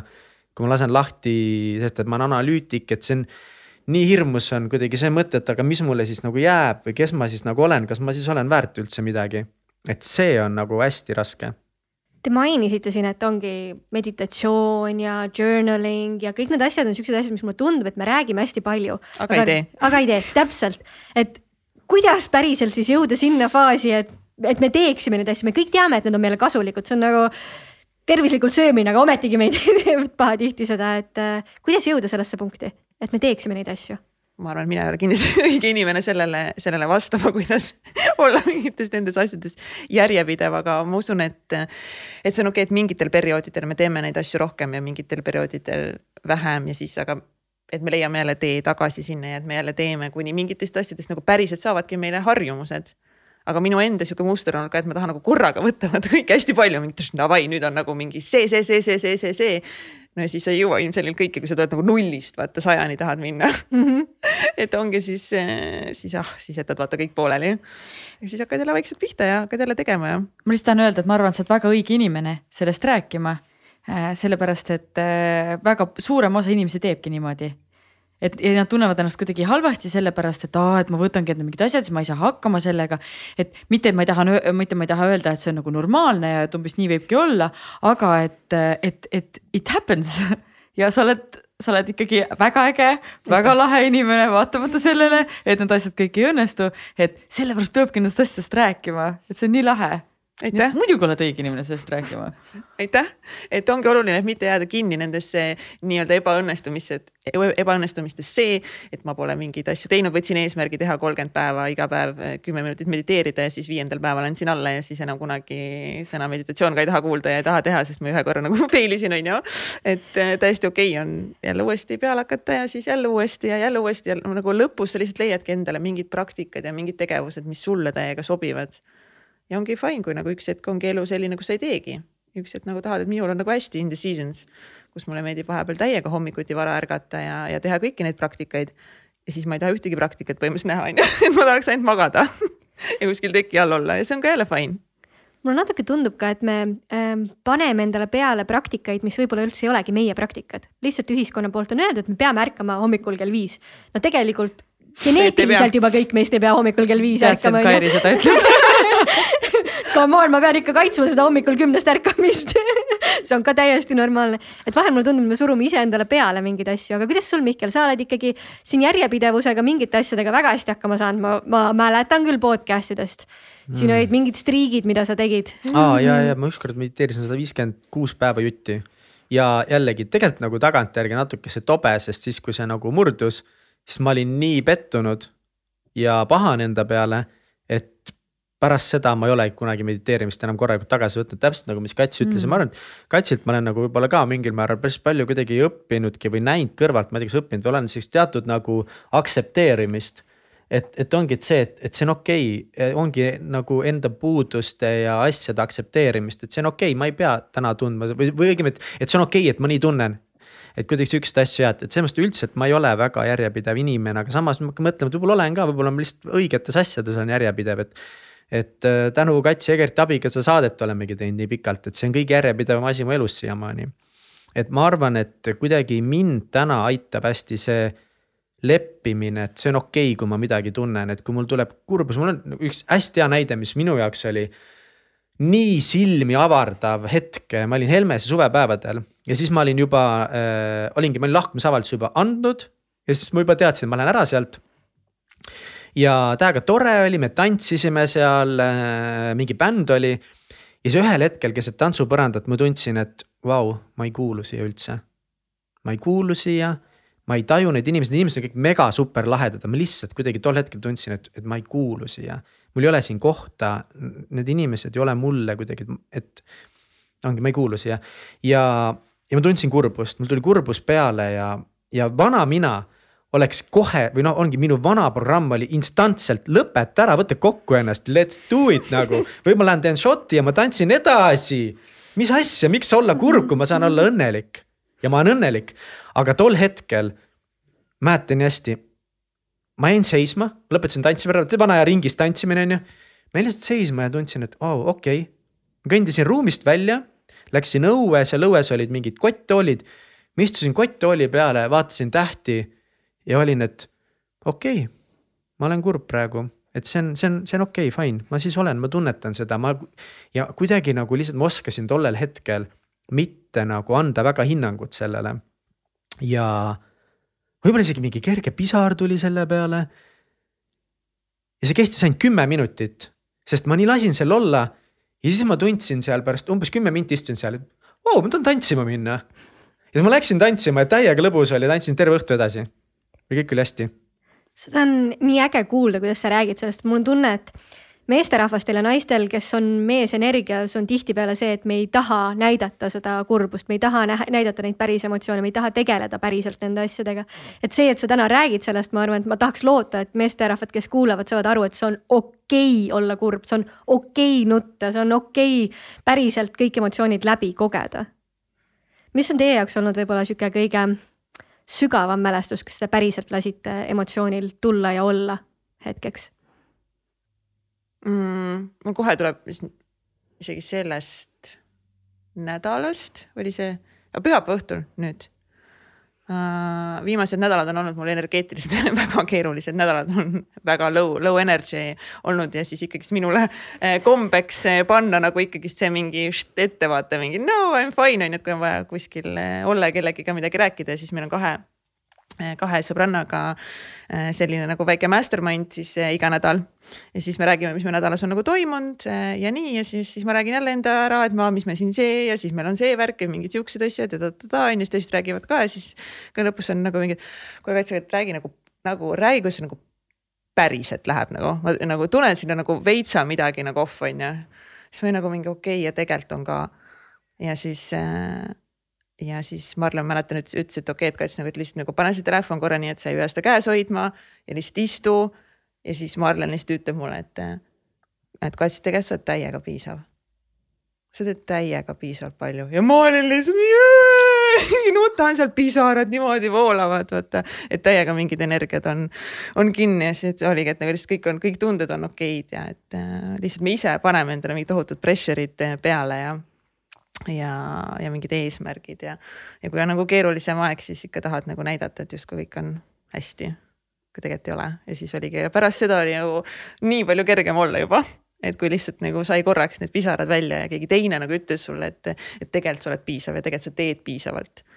ükskõik kui palju sa iseendale seda pinget peale paned, siis tegelikult kõik on piisav ja kõik on tegelikult juba hästi ja kõik on tegelikult juba tehtud.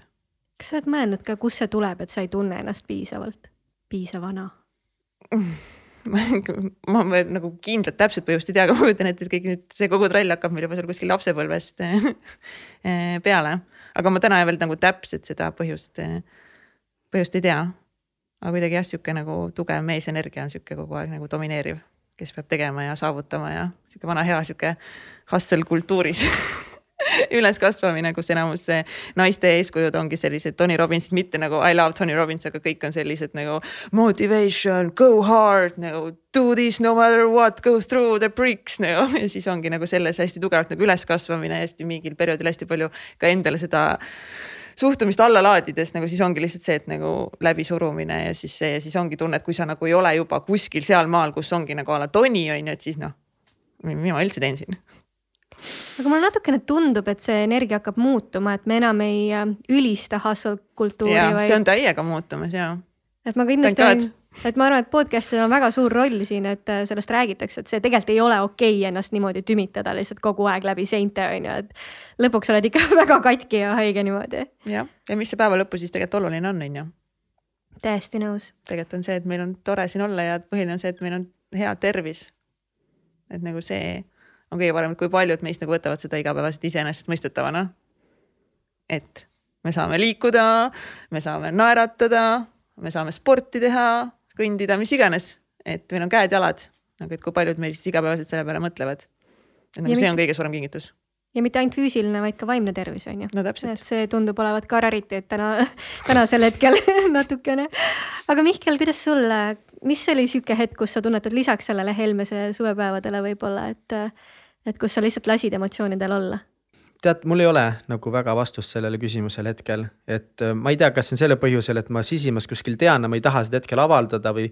või kuidagi, et ma, et ma ei olegi nagu nii kontaktis ka veel ikkagi endaga, et, et ongi, et nüüd äh, minu elus on väga teistsugune periood praegu ongi, kui ma sealt töölt ära tulin, eks ole, ja ja, ja ongi, võtsin nagu aega iseendal lihtsalt üksi olla, olla kodus ja niimoodi, et ikka on mingid hetked olnud, kus tulebki see kurbus ja mingisugune lein peale lihtsalt, aga, aga ma ei oska nagu midagi konkreetset välja tuua sul hetkel.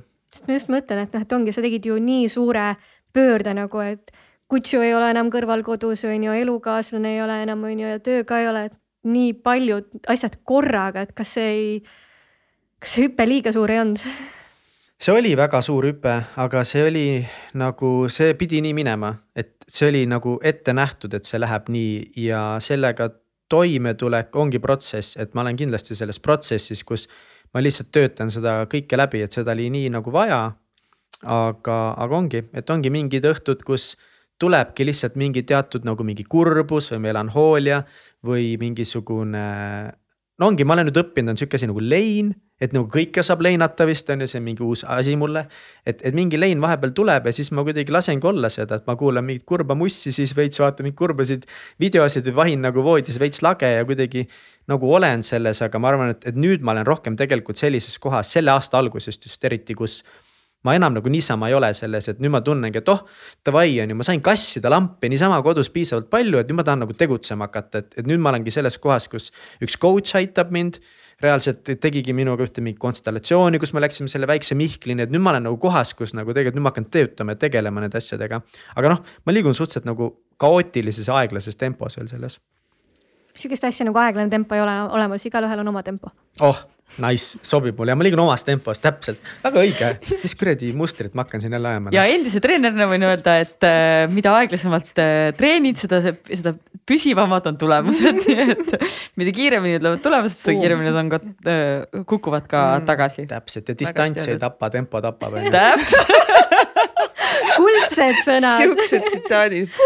Aga te panete päris korraliku tempoga oma festivaliga ka, et teil tuleb viiendal märtsil taaskord siin uus üritus on ju rääkige natukene Täitsa Pekkis Akadeemiast ja seminaridest või festivalist, ma ei tea nüüd, kumba ma seda ütlema pean nüüd on ametlikult eh, siis transformatsiooni eh, festival neli punkt null, et varasemalt ongi olnud seminar, aga kuna see on juba päris eh, suureks kasvanud ja nüüd meil on lisaks põhipäevale ka veel ju vippõhtu, siis mõtlesime, et kuidagi see seminar ka, et nagu sellel on kuidagi nagu sihuke nagu, ma ei tea, nagu mingi maik on juures või nagu. kuiv veidi võib-olla yeah., sest we are nothing but dry ma ei tea, kas see väljend on nii või? Ja et, et kuidagi see festival tundus lihtsalt ägedama sõnana, mis kogu seda sündmust siis iseloomustab, et ometigi ju meil on seal meelelahutusprogramm, meil on seal energizer'id, erinevad praktilised harjutused, et see kindlasti lihtsalt ei ole mingi tavaline järjekordne Zoom'i seminar. Et, et meil on äh, action'i nagu väga nagu selline, ma ütleks, ma iseloomustan sihuke nagu telesaate formaadis äh, ikka show ja kus inimesed on kaasatud läbi, äh, läbi Zoom'i, et enamus inimesed ikkagi hoiavad oma Zoom'i akent avatuna, me näitame teistele inimestele Äh, siis mida teised inimesed teevad kodudes, tantsime, nutame koos viimasel äh, seminaril korralikult seal Ants Rootslane tõmbas seal inimestel ikka mingid, äh, mingid traumad ülesse ja inimesed nutsid kodudes ja et see on nagu siukse hästi mõnusa mõõtme saanud as festival, aga kuna ma tunnen ikka, me teeme üpriski nagu sellist noh, me ei tee nagu mainstream üritust mm -hmm. täna veel. ma arvan, et Eestis ei olegi teist sellist üritust, nagu teie teete. aitäh mm, -hmm. oh nii tore siit võtame selle, selle. selle soundbite'i. ma võin selle tsitaadi igale poole panna, Kairi Killingu garantii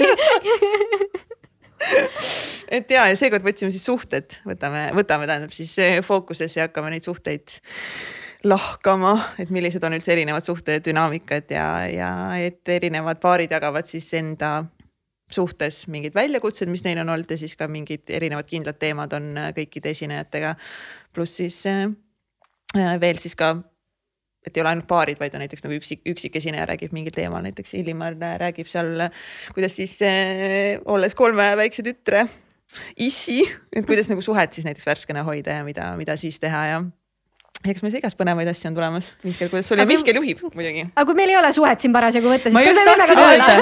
ma tahtsin just öelda, ma tahtsin välja pakkuda, sest mul just oli ühe tuttavaga vestlus sellel, sellel teemal, et äh, kui sa ei taha olla Tinderis näiteks ja sa tahad mingit muud koht, mingit muud võimalust inimestega kokku saada, eriti praegusel ajal kus sa leiad enda jaoks inimesed? ehk siis, et uus täitsa pekkis idee jah? ja et nagu tehke midagi sellist, kus nagu päriselt vallalised inimesed, kes nagu tahavad festival. normaalset inimest enda ellu leida, et nad, et see, et see oleks nagu selline fassiliteeritud äh, et noh, nagu keskkond.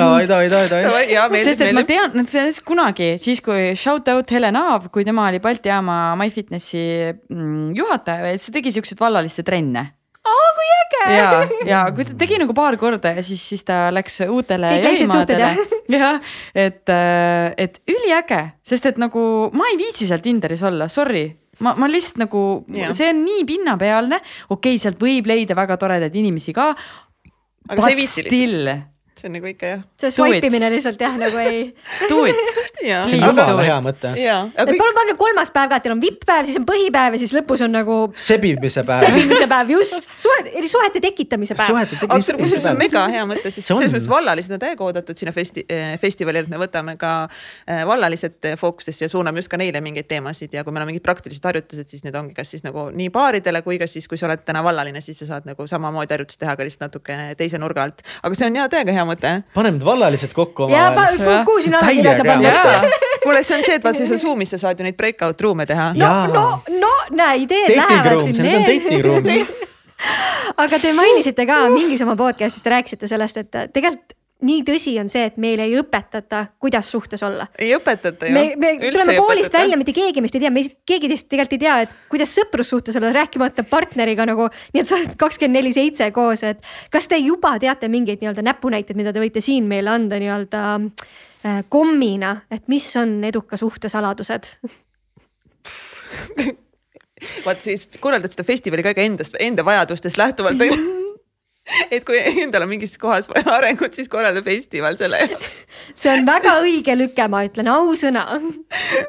aga eh, kui me tegime nüüd neid eh, seoses selle festivaliga Instagramis laive, siis ma mäletan, et Dali ütles eh, hästi ühe nagu nipina seda, et ära võta enda meest kui sõbrannat et leia enda nagu sõbrannad, kellega sa saad oma sõbrannatamise vajaduse ära nagu oo jaa, oi mingi pläku-pläku, mis me siin teeme, mis tšikk-tšikk on ju, et mm -hmm. saate sõbrannaga selle energia ära vahetada, siis, et ühesõnaga ära tee oma mehest ja eh, sõbrannat.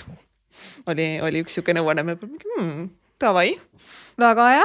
et sa õhtul ei lähe enda peale kogu mm -hmm. oma terve päeva emotsioonide ja tunnetega ja lihtsalt nagu vaene mees peab neid kuulama seal kaks tundi kas sa Mihkel Päike kõrva taha midagi, mis on siukse eduka suhte saladus? tead, mina olen vallaline praegu. no seda enam tuleb ju kõrva taha panna kõik see know-how nendel spetsialistidel. on küll, eduka suhte saladus on iseendaga nagu töötamine ja ma olen täna just hästi tugevas selles iseendaga töötamise, töötamise asjas, et ikka suur probleem nagu, mida mina olen ka nagu palju näinud, et suhetest ikkagi minnakse seda õnnelikkust otsima ja seda et keegi parandaks mind ära, et keegi tooks mulle selle millegi, mida mul ei ole või et keegi tuleks ja teeks mind õnnelikuks, et äh, vahet ei ole, on see naine või mees. et äh, see on nagu hästi olu-, hästi nagu suur probleem minu silmis, minu arvates. ja mina täna olen nagu just selles kohas, kus mina nüüd töötangi, et okei okay,, et kuidas ma ise saan õnnelik olla, mis on see, mis mul puudu on, millega ma rahul ei ole, kuidagi see endaga töötamine, et noh, kõik suhted hakkavad iseendast jah, sest kui sa iseennast mõistad, siis sa ei hakka peegeldama oma kaaslasele mingeid enda probleeme, on ju. -hmm. aga no probleeme tuleb nii või naa, et nagu võib-olla nagu oluline asi on ka see, mis ka meie festivalil kindlasti hästi oluline sõnum on see, et ei ole olemas täiuslikke suhteid või et ei ole olemas nagu seda mingit täiuslikku inimest, kes on jõudnud. mis vahepeal võib tunduda, vaata mingi Jah. Instagramis ja igal pool tänapäeval on ju, et see nagu couple on küll nagu match made in heaven ja ainult reisid ja ainult siin need pildid ja need pildid ja siis nagu what the fuck, mul küll sihuke suhe pole mis me valesti teeme? tegelikult ainuke vahe ongi lihtsalt see, et kõigil tekivad need konfliktid, et kuidas nemad suhestuvad, kuidas nad käituvad iseenda ja kaaslasega nendel konflikti hetkedel, see on nagu see, see on see key point noh, et, et kõik saavad hea tujuga koos olla. aga kui midagi pekki läheb, et mis sa siis nagu teed? ja see ongi et see. kuidas sa hakkad siis kommunikeerima, on ju, mm. -hmm. kui midagi siis äh, sind trigerdab, et nagu me teame, siis see partner on meie ju kõige suurem, kõige lähedasem peegel. Ja siis äh, see ongi kingitus tegelikult meile ju iseendale sisse vaadata, et kui meie partner meid trigerdab, siis nagu asi ei ole temas, vaid asi on minus nagu suuremas osas. tihtipeale küll et jah. see on nagu noh, sul on Kipub nii olema, et siis sul on nagu see võimalus, kas siis ongi nagu siis reageerida sellele või siis hakatagi vaatama, et okei okay,, et aga, et kus minul siis see sees midagi, midagi nagu on, mis selle valukeha siis üles toob, on ju et kui hakata nagu, nagu hakkad sealt nagu asju vaatama, siis on nagu mm, okei okay,, we are going to another level. aga see, seal on ka see osa juures, et vahepeal ongi asi selles teises inimeses, siis on on nagu- lihtsalt sinu enda otsus see, et kas sa aktsepteerid seda, sa jääd või sa lahkud sellest, sellest mängust. jah, ja siis saad pärast mõelda, et miks sa endale sellise mehe tellisid oota, kus see tellimise nupp on, kas ma pean siin universumile jälle midagi ütlema või? Mul on tunne, et ta mute'i peale mu pannud, aga noh. aga kusjuures selle tellimisega tuleb ka väga ettevaatlik olla, ma lihtsalt toon, see ei ole nagu otseselt Nii. Nagu suhteteemaline näide, aga minu sõbranna on, minu sõbranna ütles, tema ema kunagi tahtis endale reisivat tööd Jah. ja ta manifesteeris endale reisiva töö ja siis temast sai Elro-, Elroni rongisaatja nii et selles mõttes tasub väga täpne olla Jah. oma soovidega, sest et vastasel juhul saad midagi hoopis muud. Aga ma arvan, et sellel festivalil on väga õige koht, arvestades, et meil äh, ühiskonnas ikkagi see lahutusprotsent on äh, väga laes on, ma ei tea, see oli mingi, ma ei tea, kas see no muidugi USA näitel vist isegi mingi kaheksakümmend protsenti Mhm. või rohkem. no ma arvan, et Eestis on ka, et kui arvestada veel juurde, kui vähesed tegelikult abielluvad on ju üldse. aga ma arvan, et sellel on väga õige koht siin äh, ühiskonnas, et mm. -hmm. ja lahutus ei ole ka ultimate failure tegelikult, et, et kindlasti nagu on ja lahutusi on nagu vaja, neid loomulikult võiks olla vähem, et ja, ja me lähme nii või naa nagu valedel eel- eeldustel suhetesse ja nii edasi. aga et, et kuidagi see mentaliteet ka nagu natukese nagu maha arvanud, no okei okay,, jesus, hull asi, läksite lahku, et noh. see, see ei tähenda, et sa olid läbi kukkunud inimesena nagu, et seal on kindlasti palju õppida sellest kõigest, aga kuidagi see maik on ikkagi nagu sellel lahutusel on nii sünge, et nagu see on nagu justkui midagi, mille üle sa peaks nagu häbi olema ja. ja üks hästi suur muster, mis mul endal muutunud on see, et mida ka jälle kats aitas, kurat küll. mina ikkagi olin ka täiega see, et kui ma kunagi abiellun, et abielu peab olema ikkagi for life ever and ever on ju, ja, ja kui sa nii suure selle standardi, selle surve endale peale paned, tegelikult on nagu väga raske siis abielluda. et, et kuidagi, et see, et see pinge on nagu nii suur, et sa pead olema täiuslik, tema peab olema täiuslik, me peame olema igavesti täiuslik, me peame igavesti koos olema. ja kas ma võin rääkida, kuidas Nii, jah, sinu ja Egert abielu? ikka võib. Te olete nii Ja- palju teie podcast'ist Jaa. rääkinud, et palun meile ka siia natukene killuke seda. ühesõnaga ja ja lihtsalt üks, see oli kõige esimene eye opener oli see, et kui äh, Kats ja Egert siis tutvusid seal televisioonis ja seal need kired leegid lõid lõõmava seal režiiriruumides öösiti sarju tehes, see romantika. see läheb iga kord põnevamaks, kui ta räägib seda. Need higised ruumid, Jah. Kats ja Egert kahekesi. noh, see nagu ei ole siiamaani vastu lihtsalt tõele, see nagu see illusioon nagu, mida Mihkel on enda peas. Mul on täiega illusioon. Existing lihtsalt nagu.. mul on mega väga meeldis see, jätame on, selle, mul on täiega hot illusioon, kuidas nüüd armastus tekkis. ja siis armastus tekkis ja see lõi, lõi lõõmama. ja nad hakkasid siis sebima ja nad läksid suhtesse ja ma arvan, et ähm, Nad olid, okei okay,, ma räägin oma versioonist, Kats parandab nagu, ma panen faktidega hetkel mööda, see ei, see ei ole absoluutne tõde, see on minu nägemus. Nad olid mingi kolm kuus kood, kolm äh, kuus, kolm kuud koos olnud, me olime Solarise juures. Katsiga rääkisime ja siis Kats ütles mulle, et tead, Mihkel, me abiellume ja mina olin, mida fuck'i, mis ta perekonnanimi on, et nagu ja, ja siis Kats nagu saaks naerma või kuidagi täieliku rahuga ütles mulle, et Mihkel. ma tunnen, et ma tahan täna abielluda, et mul ei ole mõtet oodata kuidagi, no ma ei mäleta, kus, kuidas ta täpselt ütles, aga et ma ei taha oodata elu lõpuni, et mingit õiget abielluda, ma tahan täna temaga abielluda ja ma tahan koos olla ja kui me lähme lahku, siis see on fine ja see on okei okay.. ja see oli selle esimene üks sihuke suurem, kus ma olin seal mingi, et haa, noh, tegelikult ju ongi okei okay tegelikult ju on okei okay,, kui siis te kunagi lahutate, kui kunagi see teie ühine teekond, rännak nagu lõpeb, et võib-olla ongi okei okay tegelikult. Loomulikult sa ei lähe nagu abielus suhte nagu selle mõttega, et davai, davai, lähme kindlalt lahku mingi hetk on ju. aga samas see on okei okay,, kui me lähme. jah, see lugu oli suures plaanis nii oligi, ma arvan, et aga see võis isegi vähem olla kui kolm kuud. kui me esimest korda, kui me see vestlus Solarise keskuse ees oli, siis see võis olla umbes mingi, ma ei tea, paar nädalat. et kui ma tulin esimest korda selle jutuga, et kuule, et nagu this is gonna be it. Mm. ma arvan, et see võis isegi varem olla, sest viie kuu pärast me olime juba kihlatud ja siis hakkasime pulma organiseerima. kas sa oled äh, enamus oma elust olnud pigem sihuke hetkes olija või see oli esmakordne sihuke otsus niimoodi eksprompt, et nüüd ma tahan ja nüüd me teeme ära?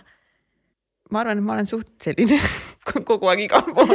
Davai, Usta raamatuid müüma, let's go, mingi Tartu suurimat piletiklubi juhatama, let's go. siis oligi, ma tegin kogu aeg nalja see, et eh, siis seal piletiklubis noh, ma olin ikkagist, see on nagu, me müüsime nagu alkoholi on ju.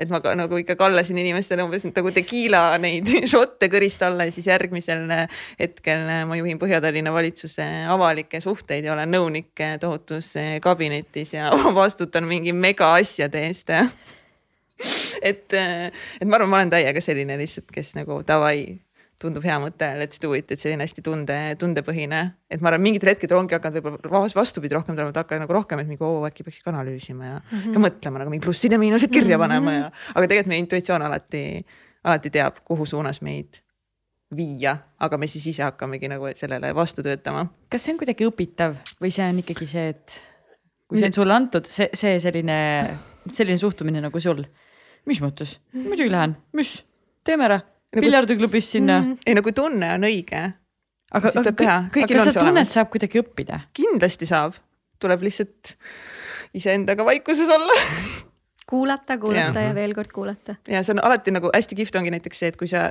ei tea, mida sa mingis olukorras teha tahad, umbes ma ei tea, kaks töövarianti näiteks on, mõlemad tunduvad hullult head, nagu tahaks sinna, tahaks sinna minna.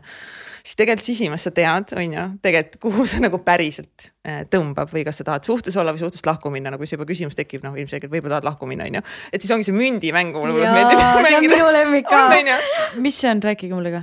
et küsidki, et nagu äh, Sandral on nagu variant A või variant B on ju, siis okei okay,, lepimegi, võtamegi mündi, lepime kokku, et nagu variant A on siis nagu lähed vasakule, variant On lähed paremale. ja siis äh, davai, viskame siis münti, no sa ei tea otsustada ju Mhm. noh, ja siis ma hakkan seda münti viskama ja tegelikult sellel ajal sa hakkad soovima, et kumb äh, pool sa tahad, et võidaks Ahah. ehk siis tegelikult kogu aeg tead nagu, aga me lihtsalt mängime neid mingeid mänge enda sees kogu aeg nagu. minul isegi on nagu see, et kui ma näen selle tulemuse ära, siis ma saan aru, kas mul Mm. mm. on pettumus või on nagu õnnetunne. Ja, et kui on pettumus, siis ilmselgelt ma peaksin teise valima. et see kuidagi sisemiselt on nagu, ta natukene võimendab seda Mhm. enda häält, kui sa ei Ja, ja, oska seda kuulata veel väga hästi. Aga mis te arvate, kas see protsess selle taipamiseni, on see vajalik? see on väga suunatud küsimus ja, ja, ja. ei ole, ei ole vajalik. Iseenda kontakti leidmine on ülehinnatud ja, ja see on üldse mingi tasub teha, fad, ma ütleks nagu tasub täiesti teha nagu rohkem neid asju, mis sotsiaalmeedia näitab, et Jah. sa pead tegema ja. üldse Jah. need asjad, mis rohkem ei, nagu ei meeldi, mis hästi raskelt ja, ja mida vanemad Jaa. ütlevad, et kindlasti peaks tegema ja Kõik tuleb läbi ja- raskuse. edu tuleb läbi raskuse. nii targad ja humoorikad vastused. on, on ju. aga meil on veel päris palju teemasid, mida me ei ole täna üldse käsitlenud. ma lihtsalt tahan öelda, et ma lihtsalt tahan Sandra. öelda, et see protsess on mega oluline ja vahepeal on vaja need jamad läbi teha. aga Nii et- protsess ongi kõige olulisem nagu it's not about the destination, it's about the journey, see on ükskõik klišee ka ei ole, siis see ongi täpselt see, et see ongi see protsess nagu. ja mis klišeedega sul on? I love it. nagu Sandra, she likes cheese mulle täiega lihtsalt. Everything cheesy. jaa, bring it on lihtsalt nagu. no aga klišeed ongi ju, noh, järelikult see peab olema tõsi, kui neid kogu aeg räägitakse ja, ja nagu mainitakse neid, nii et. Täpselt. jah, ma siinkohal võib-olla ühe täienduse tahaks teha, et endaga kontakti leidmine on äärmiselt oluline tõepoolest, aga kui sa ei ole veel valmis, siis see on ka okei okay.. et mm -hmm. äh, ei tasu kiirustada selles mõttes, et kui sa ei ole valmis, siis see võib pigem halba teha kui head, nii et äh, võtke rahulikult. Väikeste sammudega. ja väiksed sammud just. maraton algab esimesest sammust. nii on. nii, millised teemad me soovime veel täna läbi käsitleda siin, sellepärast et mina tahaksin küsida ühiskonna ühe küsimuse. kas sa soovid keskkonna ühe ja siis tulistame edasi? hakka pihta. Davai. podcast'ide puhul me oleme valinud mõlemad sellise suuna, et me pigem intervjueerime inimesi, aga teadupoolest on ka neid podcast'e, mis äh, räägivad üldiselt ühiskonnast, maailmast ja mida võib-olla võiks muuta. kui te peaksite täna tegema ühe osa, mis keskenduks, oleks sihuke ühiskonnakriitiline, siis millest te räägiksite? mina ei tea. mul on vastus olemas okay., vastan enne või? ma olen seda mitu korda kuskil öelnud saates võib-olla ka ja ma praegu hästi tunnen, et, et kui mul on üks missioon selle saatega, kui mul peaks ainult üks missioon olema, siis minu üks missioon oleks see, et inimesed õpiksid üksteisega paremini suhtlema, et, et mind tõesti juba trigerdab see, kui keeruline on rääkida rasketest asjadest, sellepärast et nii-öelda tõde võib-olla kõige sellises nagu noh, nõmedamas sõnas või ma ei tea, ühesõnaga sihuke tõde või koostöö, kokkuleppimine, järeldused tuleb väga tugev arutelu põhjal, et loomulikult on palju intuitsiooni meil, aga see on nagu teine asi praegu. et ongi, et ühiskonnas rääkida rasketest asjadest, näiteks koroonagi, kui keeruline tegelikult on koroonast rääkida, aga mi- et, et ongi, et noh, et see on nii suur probleem, et me ei suuda rääkida rasketest asjadest niimoodi, et me austaksime seda, kes räägib. me kuulaksime, prooviksime päriselt aru saada, et, et kindlasti mul endal on samamoodi selles osas veel tööd teha, aga ma arvan, et meie saade vahepeal ka natukese näitab, et me, et me ei pea nõustuma, näiteks sama see Marlen Annabeli saade on minu enda arvates nagu hea näide, kus ta esitas mingeid ideid või mõtteid, millega ma ei olnud nõus aga ma armastan ikka teda, et, et ja, ja sotsiaalmeedia mängib sealt väga suurt rolli, et see me kõik teame, see on ju tavaline asi tänapäeval ongi, et me saame nii endale. See tailored eesti keeles, noh, ühesõnaga me saame kogu aeg sisu, mis ainult sobib meie väljavaadetele. ja, ja ma väga tahaks kuidagi avardada seda osa mul on siinkohal väga hea soovitus ka, et jälgige neid inimesi, kes on täiesti teise arvamusega teist, minul on näiteks kaks tükki endale Instagramis lisatud, kes on täiesti maailmavaateliselt, kategooriliselt minu vastandid. lihtsalt selleks, et äh, näha nende argumente, analüüsida neid läbi, et isegi kui ma päriselus nendega oleks võib-olla keerulisem suhelda, et siis äh, vähemalt oma ruumis ma saan selle läbi teha nii-öelda selle protsessi tegelikult, sest see avardab väga palju et vahel me oleme, olemegi lihtsalt enda asjades täiesti kinni ja mulle väga meeldis see osa, millest sa just rääkisid, sest mulle tundub, et sa läksid ikkagi lähemale sellele filosoofiale, mis tema, tema nagu ette kandis, Marlen siis on ju. jah, ja see mi, nagu ma usun ka ajas hästi nagu muutunud et nagu täna sa, ma arvan, juba nagu vaatad võib-olla sellele teemale nagu te, hoopis ka nagu teise pilguga või kui teil oli Kaido Kubriga on ju nüüd ka ju meeste saade on ju mm. -hmm. et nagu, et me Kindlasti. ajas nii muutuma, et ongi, kui ma kuulasin, kui me, nii hea see Kaido Pajumaa, see meie esimene podcast, et kui ma nagu nüüd kolm pool aastat hiljem kuulasin, siis ma olin mingi vau, jaa, Kaido. jaa, too hetk ma olin mingi Kaido nagu vaata nagu okei okay, ja okei okay., nagu noh, mul pole. ei saa aru noh. nagu lihtsalt nagu, nagu noh, tark mees on ju no, ju siis ta teab, mis ta räägib ja nagu noogutad kaasa, et mingi ja, ja mine vaikusesse ja mingi iseendaga ja mingid värgid vaata nagu. siis nüüd kuulasime mingi ja, ja, ja, ja, ja et ongi, et eh, lihtsalt need on iseenda arenguga lihtsalt ajas ajas ka kõik nagu nii palju, nii palju kogu aeg muutub, et ongi, et lihtsalt eh, kuidas me siis ongi, et õpime nagu kuulama, et mingi aa sul on nagu siuksed mõtted mm,, cool, mitte nagu mingi mida fuck'i nagu mingi ei, mina arvan. see spirituaalsus, mis asju nagu et ükskõik et see on nagu hästi kihvt, et ma ise õpin ka hästi tugevalt seda, et kuidas nagu lihtsalt ongi kuulata inimest, kellel on täiesti teistsugune maailmavaade, et mingi vau, sinu perspektiiv on selline või mm? -hmm. Cool, tell me more ja siis ongi, siis me lihtsalt vestleme ja minu arust need on nagu kõige kihvtimad vestlused üldse, kui sul on nagu vastas nagu keegi teine, kellel on hoopis mingi teine arvamus mingist asjast. täiesti nõus, täiesti nõus. aga kas äh, sa oskad ka meile öelda, mis äh, teemal sina teeksid podcast'i, kui see peaks olema ühiskonnakriitiline? ühiskonnakriitiline, mida see üldse tähendab? no mis sa näed tänasel hetkel, et mis meil võib-olla valesti on, mida võiks adresseerida, millest võib-olla võiks rääkida mis, mis meil on vaja? ma pihta hakkan Ko, koolisüsteem ja. no aga võtame selle kõige suurema elevandi seal ruumis, et mis, millest sa tunned, et võiks rääkida hmm.? ma arvan, et me võiksimegi alustada siis äh, ja üldse meie ühiskonna programmeeringutest, lapsepõlvest mm, -hmm. koolist, kogu, kogu võib-olla siis see, see on nagu midagi, mis mind ennast väga Äh, väga kõnetab.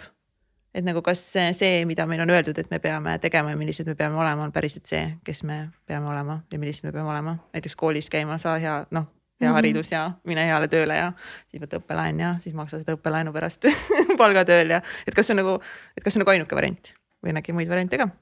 kas sa ise näed, et sa kunagi tulevikus haridussüsteemi mingil määral võiksid mudida?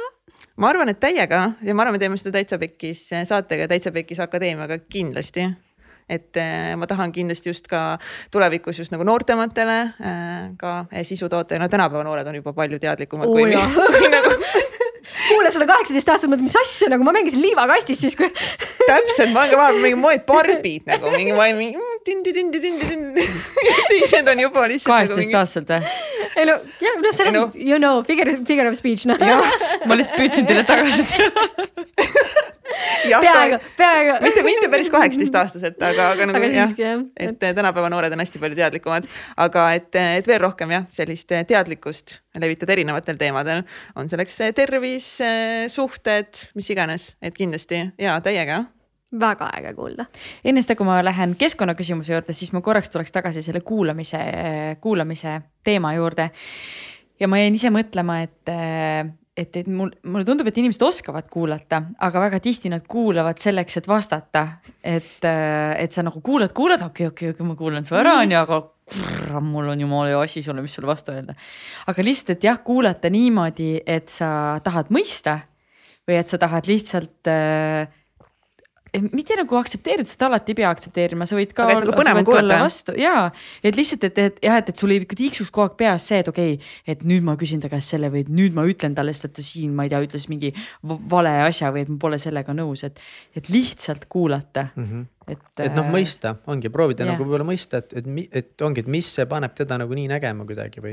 et minu jaoks seal võib-olla on nagu see, et okei okay,, et ongi et oma peas kasvõi proovida mõelda, okei okay,, mis see elukogemus võib olla, mis on need kogemused ja muud asjad, mis paneb teda nagu niimoodi mõtlema ja et, et kui sa kuulad ainult selle jaoks, et. mõelda, et davai on ju sellel argumendil mul on täiega hea vastus olemas, et siis ja. see ka võib-olla no,. see ongi küsimus see, et kas sa oled äh, inglise keeles nagu teachable Mm -hmm. et kui sa oled äh, teachable, siis sa lihtsalt kuulad ära ja sa isegi korraks proovid nagu mõelda, et sa võtadki nagu selle, need mõtted ja argumendid enda omaks nagu, mõtled mm -hmm. korra nagu hmm, ja siis pärast nagu siis teed omad otsused on ju, et, et ole, ole lihtsalt teachable ja siis pärast tee enda otsused ja, ja valikud mm -hmm.. okei okay,, aga räägime natuke keskkonnast. kui palju te mõtlete selle peale, et, ähm, et kuidas hoida maailma enda ümber, siis puhtavama, puhtanama, terve, tervenama no.. kas stuudios on prügi sorteerimine, kas teie merch tuleb keskkonnasäästlik? Uh. no mina, eh, mina ausalt öeldes väga üldse ei mõtle, et praeguses ma prügi kodus sorteerisin, siis ma lugesin seda suurt artiklit prügi sorteerimisest ja ma olin hilge põhjani solvunud ja viskasin oma sorteerimise minema et eh, ma hetkel ei, eh, ei väga ei pane selle rõhku, aga mul lihtsalt ka võib-olla sihuke väljavabandus on ka see, et ma sorteerin seda prügi enda sees praegu.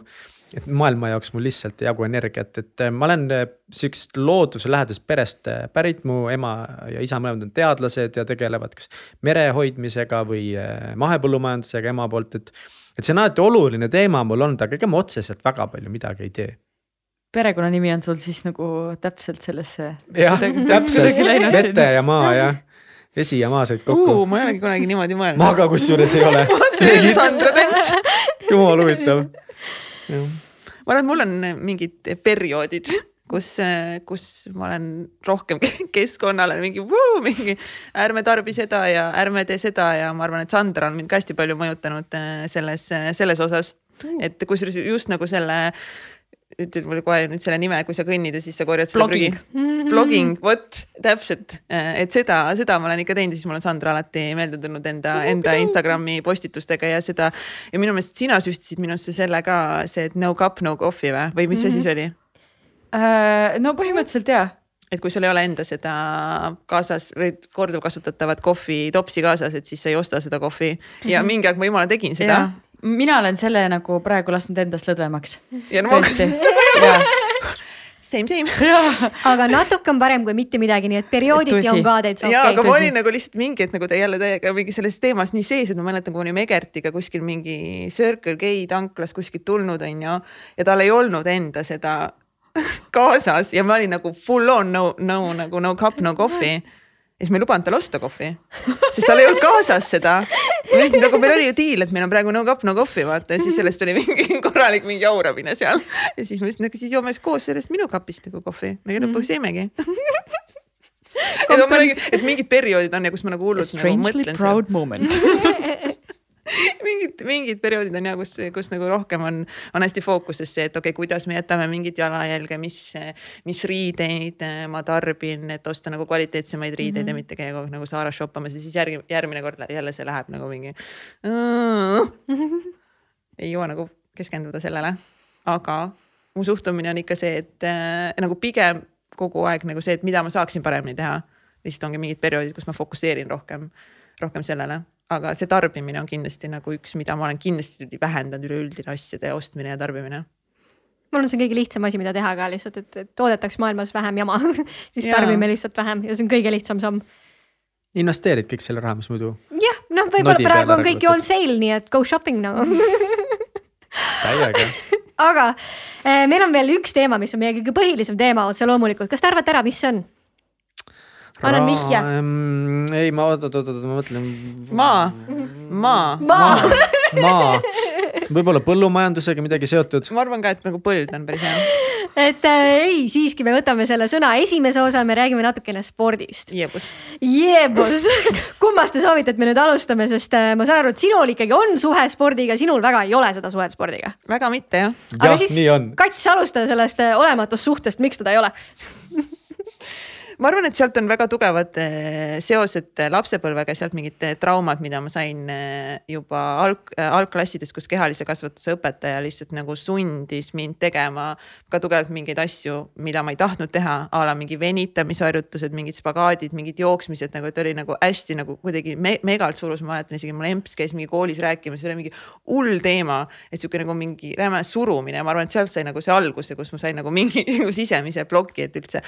Ja ongi teine asi nagu see, et, et kui paljud inimesed teevad sporti selle jaoks, et olla nagu fit as nagu mm -hmm. peenike siis nagu mul ei ole seda probleemi. geenid noh. et noh, et mul ei ole seda drive'i, et, et teha nagu trenni sellepärast, et eh, näha hea välja, et nagu ilma trennita näen ka päris hea välja, et eh, lihtsalt siis ongi tulnud nagu see teine faktor, et seda veel enesetunnet nagu veel parandada et, et ma vahepeal teen, teen trenni siis, kui mul on nagu tunne, aga see on pigem nagu harva ja nüüd ma olen hakanud rohkem nagu jalutama ja mulle meeldib väga teha, ma ei tea, kas te Kinergit teate? ei. oh, eh, soovitan vaadata, Julianne Hoff, üks eh, üks USA, hullult äge tšikk, üks tantsija ja, ja tegi oma programmi Kinergy, mis on nagu mulle hullult hästi sobib kõikidest teistest online treeningutest, mis ma ever proovinud olen. et äh, Shalini omasid ma ka teen, vahepeal on toredad, aga Kinergy kuidagi nagu enda energiaga, kuidas ta võtab nagu ongi mingid elemendid, et maa, õhk, vesi, sinna lähevad mingid hingamisharjutused juurde ja et see on nagu hästi kihvt ja seda mulle meeldib teha, aga ma pigem ei ole jah. no minus ei ole jah seda olnud veel seda spordigeent, et ma olen nagu vahepeal proovinud, võtsin vahepeal endale jooksu eratreeneri treeneri mm. -hmm. nii et ma hakkan nüüd jooksma nagu no, mingi, ma ei tea, neli korda vist tegime trenni ja siis mingi hetk nagu ma ei tea, ta enam ei kirjutanud mulle ja mina no, ei kirjutanud talle ja nii see läks, aga ma ostsin endale mingi mega jalanõud ja nii ikka nagu mingid ülikorralikud, mingi sott viiskümmend mm -hmm. maksid ikka koos nagu, et noh, ma hakkan tegema, siis ma hakkan ikka õigesti tegema.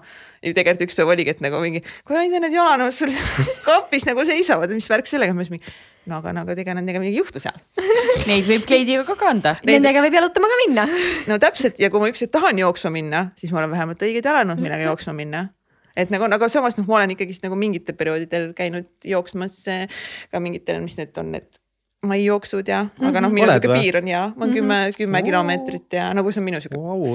lagi olnud, on ju. et eh, on ikka nagu olnud perioode, aga minus jah, kuidagi ei ole nagu sihuke seda sisemist mingi, jess, teeme sporti täiega. tervise nimel kuidagi, ei või?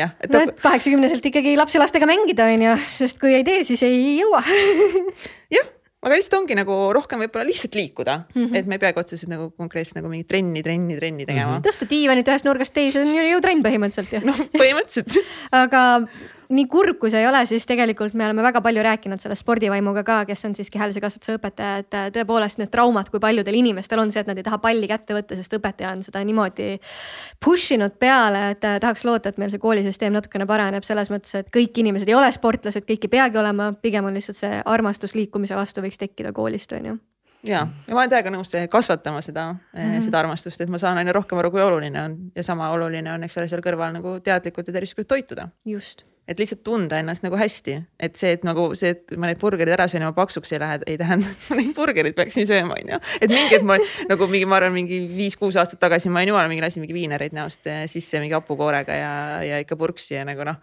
siis lihtsalt see teadlikkus et mida ma söön, mõjutab nagu minu meeleolu, minu rakk, kõike, I had no mm -hmm. idea nagu, see lihtsalt ei olnud minuni jõudnud ja noorena see kuidagi nagu keha annab andeks natukene, mida vanemaks sa saad, seda vähem ta andestab sulle kõiki lolle. Sandra, Sandra silmad praegu.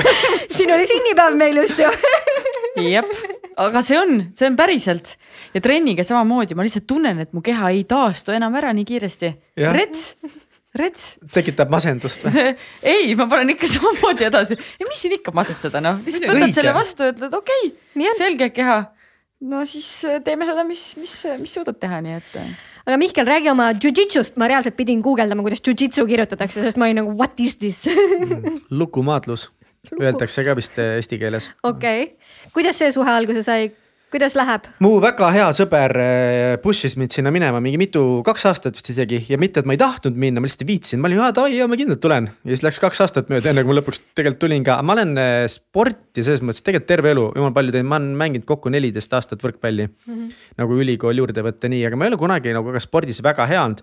ma olen hästi peenike ja mul on mega kompleksid sellega, millega ma ka nüüd töötan ja olen viimasel aastal nagu rohkem töötanud, et et mul oli nagu raske nagu mingit jõutrenni näiteks teha, sest no ongi see klassikaline, et lähed sinna, ma ei oska midagi teha, kõik vaatavad mind. tõstan nii väiksed raskusalgus, ma olen nii sihuke väike jobi lihtsalt noh, täitsa kohutav noh.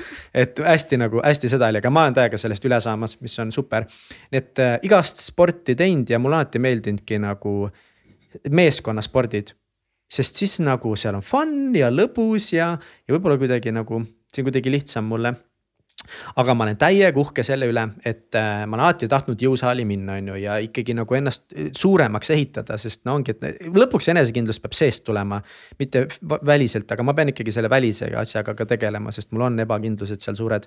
ja, ja ma olen proovinud jõusaalis käia üldse ei ole välja tulnud ja siis lõpuks ma võtsin personaaltreeneri. ja käisingi temaga seitse korda ja jutti eh, MyFitnessis ja mega super oli, et ta nagu lihtsalt täiega rahulikult seletas mulle ära ja ma sain vähemalt selle tunde kätte, et okei okay,, ma tean, mida teha, et ma ei tundunud ennast nagu lollakalt selle kangiga. ja, ja noh, üleüldise enda kasvuga ma olen ka lahti lasknud natukese rohkem sellest mõttest, et tegelikult keegi ei vahi mind seal jõusaalis, mitte keegi ei vaata mind. noh, mina vahin ainult tüdrukuid seal muidugi, et noh, tüdrukutel on teine asi, aga, aga kutte, keegi ei vahinud kutte seal tüdrukud vähivad kutte ka. okei, okei, no vot, vot mis välja tuleb ja siis ähm, ja, ja siis ma mäletan seda valu ka, et kui raske on, kui nüüd just jõusaali treeningust äh, alustada, et kui ma ei ole harjunud selle füüsilise valuga, mis ongi lihtsalt see, et kui sa tõstad mingit raskust, mida sa ei jõua nagu hästi tõsta, siis kui sa ei ole harjunud üldse nagu seda lihast kasutama seda lihast, siis see hirm selle raskuse vastu oli nii suur, et ma mäletangi, et kui ebamugav mul oli.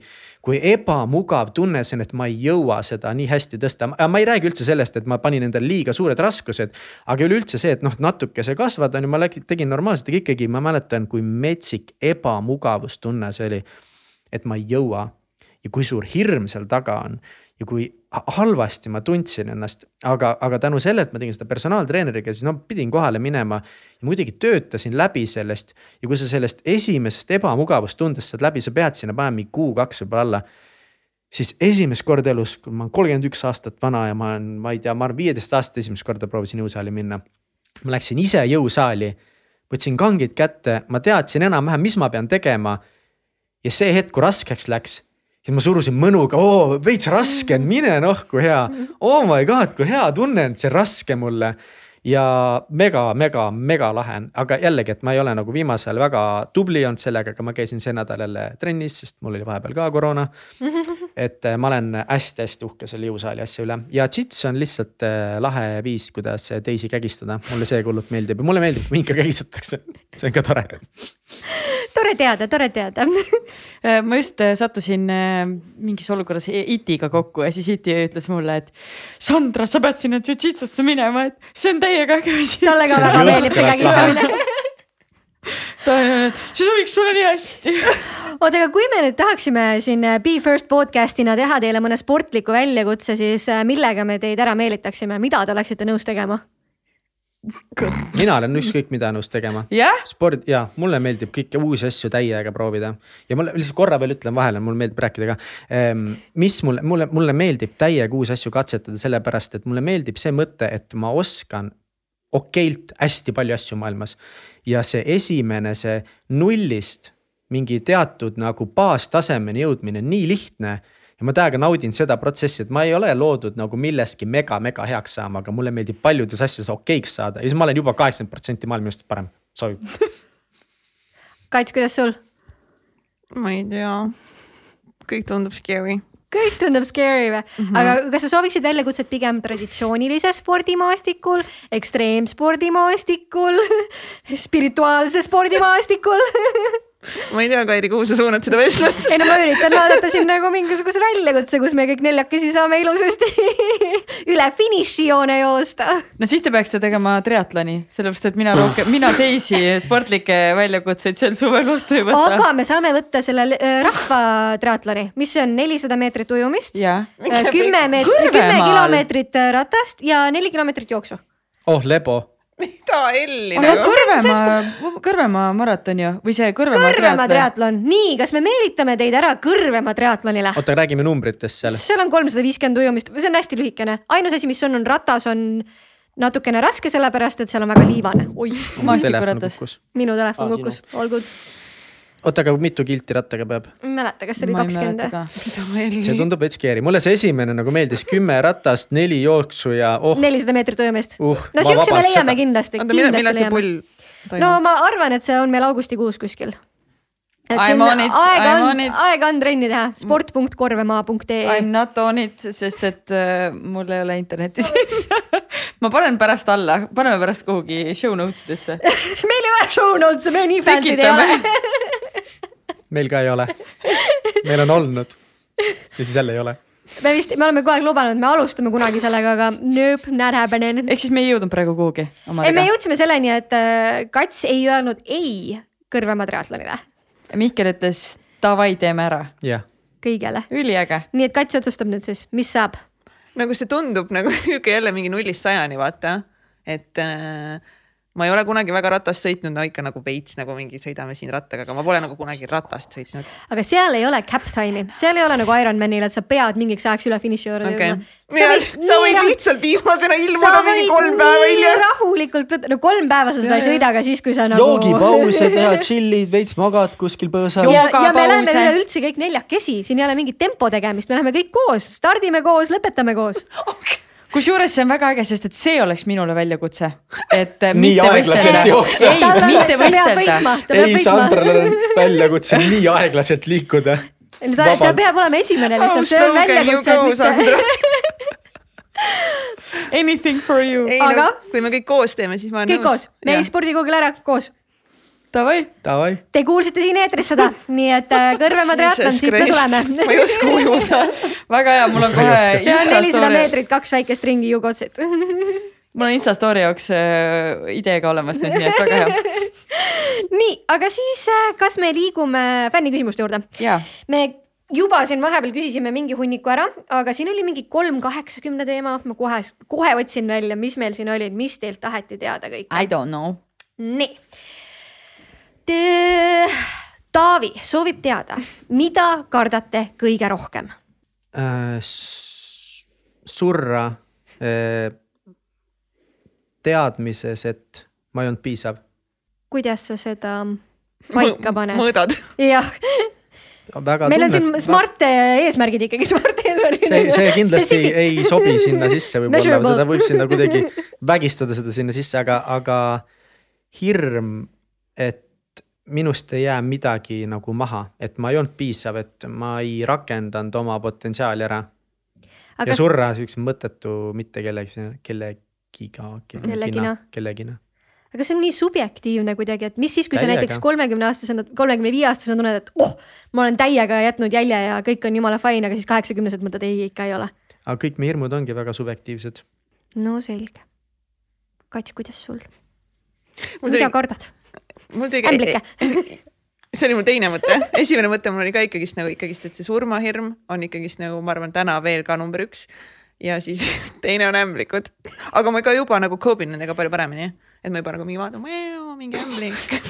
et ei pane kohe jooksu et ja, et ei pane, ei pane jooksu, ei flipi täiesti ära äh, kuskil onju, et ma olen nagu mingi oo ämblik, saame mingi tuttavaks vaata. siis mingi aja pärast lähed ja siis kuidagi nagu mingi asjaga aitata kuskil ära onju et aga see on ikka, ikka nagu selline, et nagu kui ma nüüd ütleks nagu üks hirm, siis on ämblikud meid nagu see, et just nagu kuskil tulevad, ronivad su peale, vaata Mm. ma siis ei ütle, mitu tükki me elu jooksul ära sööme, jah? ei no sitaks ma tean ja, aga vähemalt me- ma ei söö neid teadlikult.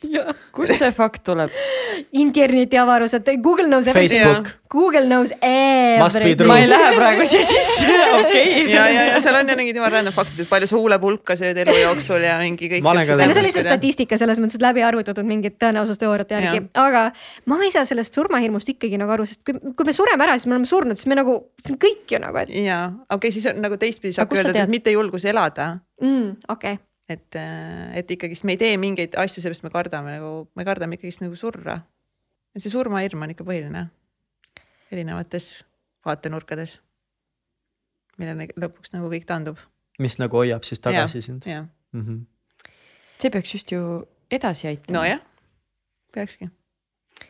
ma annan siinkohal sõna Miltopile. Kats, kas Mihkel ostis sulle kolme kaheksakümne eest midagi ilusat, if not, siis nõua välja. ma isegi ei mäleta, no, no sa, I sa, tea sa ei. teagi seda. nii, ma olen lihtsalt Gerdile kolm kaheksakümmend võlgu ja siis on see Splitwise äpp on ju. Ja ma olen mingi aasta aega seda võlgu andnud ja siis ma nagu mingi eelmine nädal sujuvalt lihtsalt kustutasin selle sealt ära. ja siis ta kirjutas mulle, et noh, et kandsid siis ära, ma olin mingi, aa, ma ei arvanud, et see on päris, siis ta ütles, et davai, ära maksa mulle tagasi, aga osta katsile midagi ilusat. et ma olen sulle Oh. mingi, ma olen sulle mingi kaks-kolm Snickersit sees või midagi. no nüüd siis tead vähemalt, vaata, kaardid laual. aga ära siis Snickersit too, see väga ei maitse mulle enam. nii äh,, ma ei teagi, millist ma siit kindlasti veel võiks võtta äh,. Pekki minekut täitsa pekkis podcast'i külalistega. soovib Tiina teada. mul tuleb üks meelde. nii, Äh, me oleme ühe korra teinud elus saate, nüüd tegelikult kaks lausa põhimõtteliselt, mida me ei avalda. see oli, ma ei mäleta, millal äkki teine hooaeg, see oli siis, kui mina olin Vietnamis isegi. ja me tegime ühe hästi armsa kihvti äh, mehega tegime saate, ta oli Lõuna-Eestist pärit ja ise võtsime ka ühendust ja tal oli päris äge story, kuidas ta oli oma ettevõtte üles ehitanud, ta tegi jumala vingeid asju. ja, ja tema see lugu oli ka nagu väga lahe, kuidas ta oli ennast nagu üles töötanud ettevõtjaks, väikeettevõtja ja väga armas inimene ja me tegime temaga nagu alguses kõne siis, kus me tutvusime ja tundus, et davai lahe, et teeme sinuga koos saate. ja kui me salvestasime seda saadet, siis äh, ta oli nii närvis ja ta oli nii kinni. Et ma terve aja nagu mõtlesin, et täitsa lõpp, et noh, siit ei tule lihtsalt mitte midagi, et ükskõik kuidas me nagu puurime ja ega see ei aidanud kaasa ka, et me nagu tegime seda videosilla vahendusel, kuna me mõtlesime, et teeme niimoodi, et mina olen ära ja see oli selline punnitamine ja kui me selle saate lõpuks nagu ära tegime, mäletame vist Katsiga korra jäime omavahel rääkima ja nagu mõlemad olime ka, et kuule, et nagu see vist ei ole nagu see, mida meie tahame välja panna, aga see ei ole ka see, mida tema tahab tegelikult endast välja panna ja siis me kirjutasime talle ka võib-olla kohe äkki, see ei ole ka oluline, millal. et kuule, et nagu me kuulasime, mõtlesime selle saate peale, et, et sa olid nagu nii kinni ja nii hirmul, et et see võib-olla ei ole see, kuidas sa tahad ise ka no, oma seda lugu edasi anda, sest ta oli ka mingi, et ja, ja, ja, et ma ei tea, mis nagu juhtus, et ja me olimegi, et davai, et teeme kunagi, kui me tagasi tuleme, teeme suvel uuesti, teeme kunagi hiljem ja never spoke again üks asi, mis mulle kohe meelde tuli ühe meie saatekülalisega, me unustasime talle öelda, et me ka filmime videos.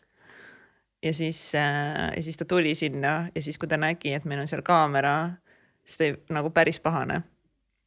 ja me salvestasime küll selle saate ära, aga, aga nagu noh, pärast kirjutas ka ja nagu siiamaani on hinges nagu mingi väike nagu kripeldus sellega sees, et ta oli nagu jah, kuidagi väga kurb ja no pahane. alati saab ju kaamera kinni panna. ja me kuidagi selle peale ei tulnud. aga ei nagu oli ja ta ei, aga noh, sellist ikka, me tahtsime ikkagist vaata mingeid nagu mingeid story sid ja mingeid pilte nagu teha ja ta ei olnud kuidagi nagu sellega ka arvestanud mm. -hmm. kuidagi nagu hästi nagu üldse mitte mõelnud ja siis see kuidagi nagu läks väga nagu jah, ühesõnaga.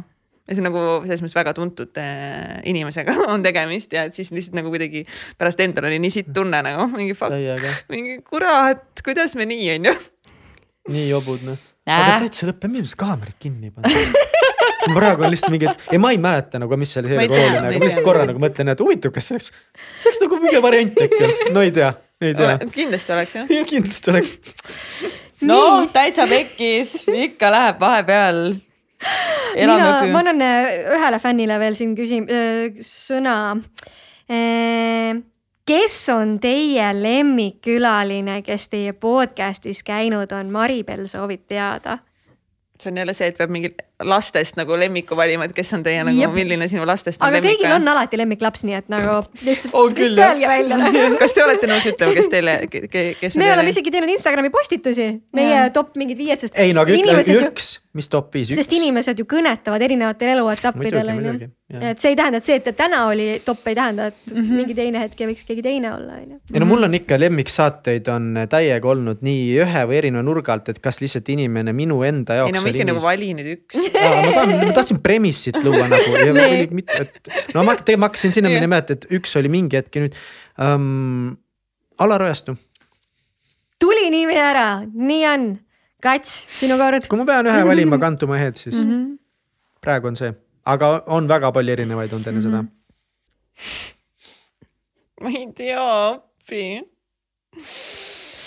Hea oleks praegu scroll ida on ju, vaadata kõik nimed üle, et jumala eest mingi oluline vahelt ei jääks. ja et äkki ma nagu pärast tahaks kohe vastust muuta, onju, aga ma, mis mul kohe esimesena tuli nagu üks saade, mis mulle väga, okei okay,, nüüd mul tuli tegelikult kaks saadet, nüüd ma ei tea, kumba valida. okei okay,, ma valin siis selle teise, mis mul tuli tegelikult, mida oli nii tore teha, lihtsalt nii tore äh,. oli Johan Urb ma hakkasin Nagu- ka teda ütlema. nagu lihtsalt nagu lihtsalt ma mäletan siiamaani seda emotsiooni, mis meil oli nagu pärast temaga vestlust, nagu see oli, ma olin lihtsalt mingi oh my god, elu on, kõik on nii ilus, nagu kõik on nii super nagu mingi noh, et see energia temast ja see vestlus oli lihtsalt nii, kuidagi läks nagu nii hinge. super, tuli ära, said vastuse, palun. oled nüüd rahul, kõik teised toredad inimesed nüüd kannatavad. nii, aga nüüd on minu kord, sellepärast et äh, ma tahaks äh, teie käest saada veel kolm väikest soovitust. Teie mõlema poolt siis, et üks asi, mida iga inimene võiks oma elus õppida enesekaitse. mm. -hmm. Kats, et üks asi, mida inimene võiks elus õppida. Jah. ei ütle ma. oi, jõpp. nõus. elu, elu, kas ma panen järgmise ka või? muidugi. Davai, üks asi, mida iga inimene võiks tarbida. Vesi. tahtsin just samal ajal öelda vesi. jah, ma juhuks ütlen, et see oleks pidanud olema teos, aga, aga noh, asi käib kah. aa jeebus, ma pole Nii. nii kuu aega siin olnud, siis läks sassi. no mis, mis see päris küsimus üks oli? teos, mida iga inimene võiks tarbida. raamat, näidend, podcast. ja mul kohe on äh, No nii, äh, see Harari äh, raamat Sapiens, homo sapiens jah. Mm -hmm. see on äkki isegi ainult Sapiens. Minu arust see on ainult Sapiens, jah. jah. aa, Ah, okei. mai, Maia Kaate välja taga äh, uus, uus maailm või selle raamat, ma ei, nüüd ei tea täpselt, kas oli Uus maailm see raamatu nimi, aga ma arvan, et võis olla. ma arvan, et seda võiksite lugeda. millest see räägib, ma ei ole kuulnud. no vot, siis saate lugema mine minna. lugema. okei. ja üks koht, mida iga inimene võiks äh, külastada. Äh, Camino tee. sellest me ei jõudnudki rääkida sinuga. Oh no, aga sellest te rääkisite teie mingis erisaates, nii et äh, võib hüpata täitsa Pekkis podcast'i ja kuulata sealt ka lähemalt selle kohta. tahaks nüüd eriti mingi vastuse öelda sellele. et äh, oota, küsi, küsi uuesti see küsimus. et üks koht, mida iga inimene võiks oma elus külastada. iseenda sisemus. True that. Mic drop.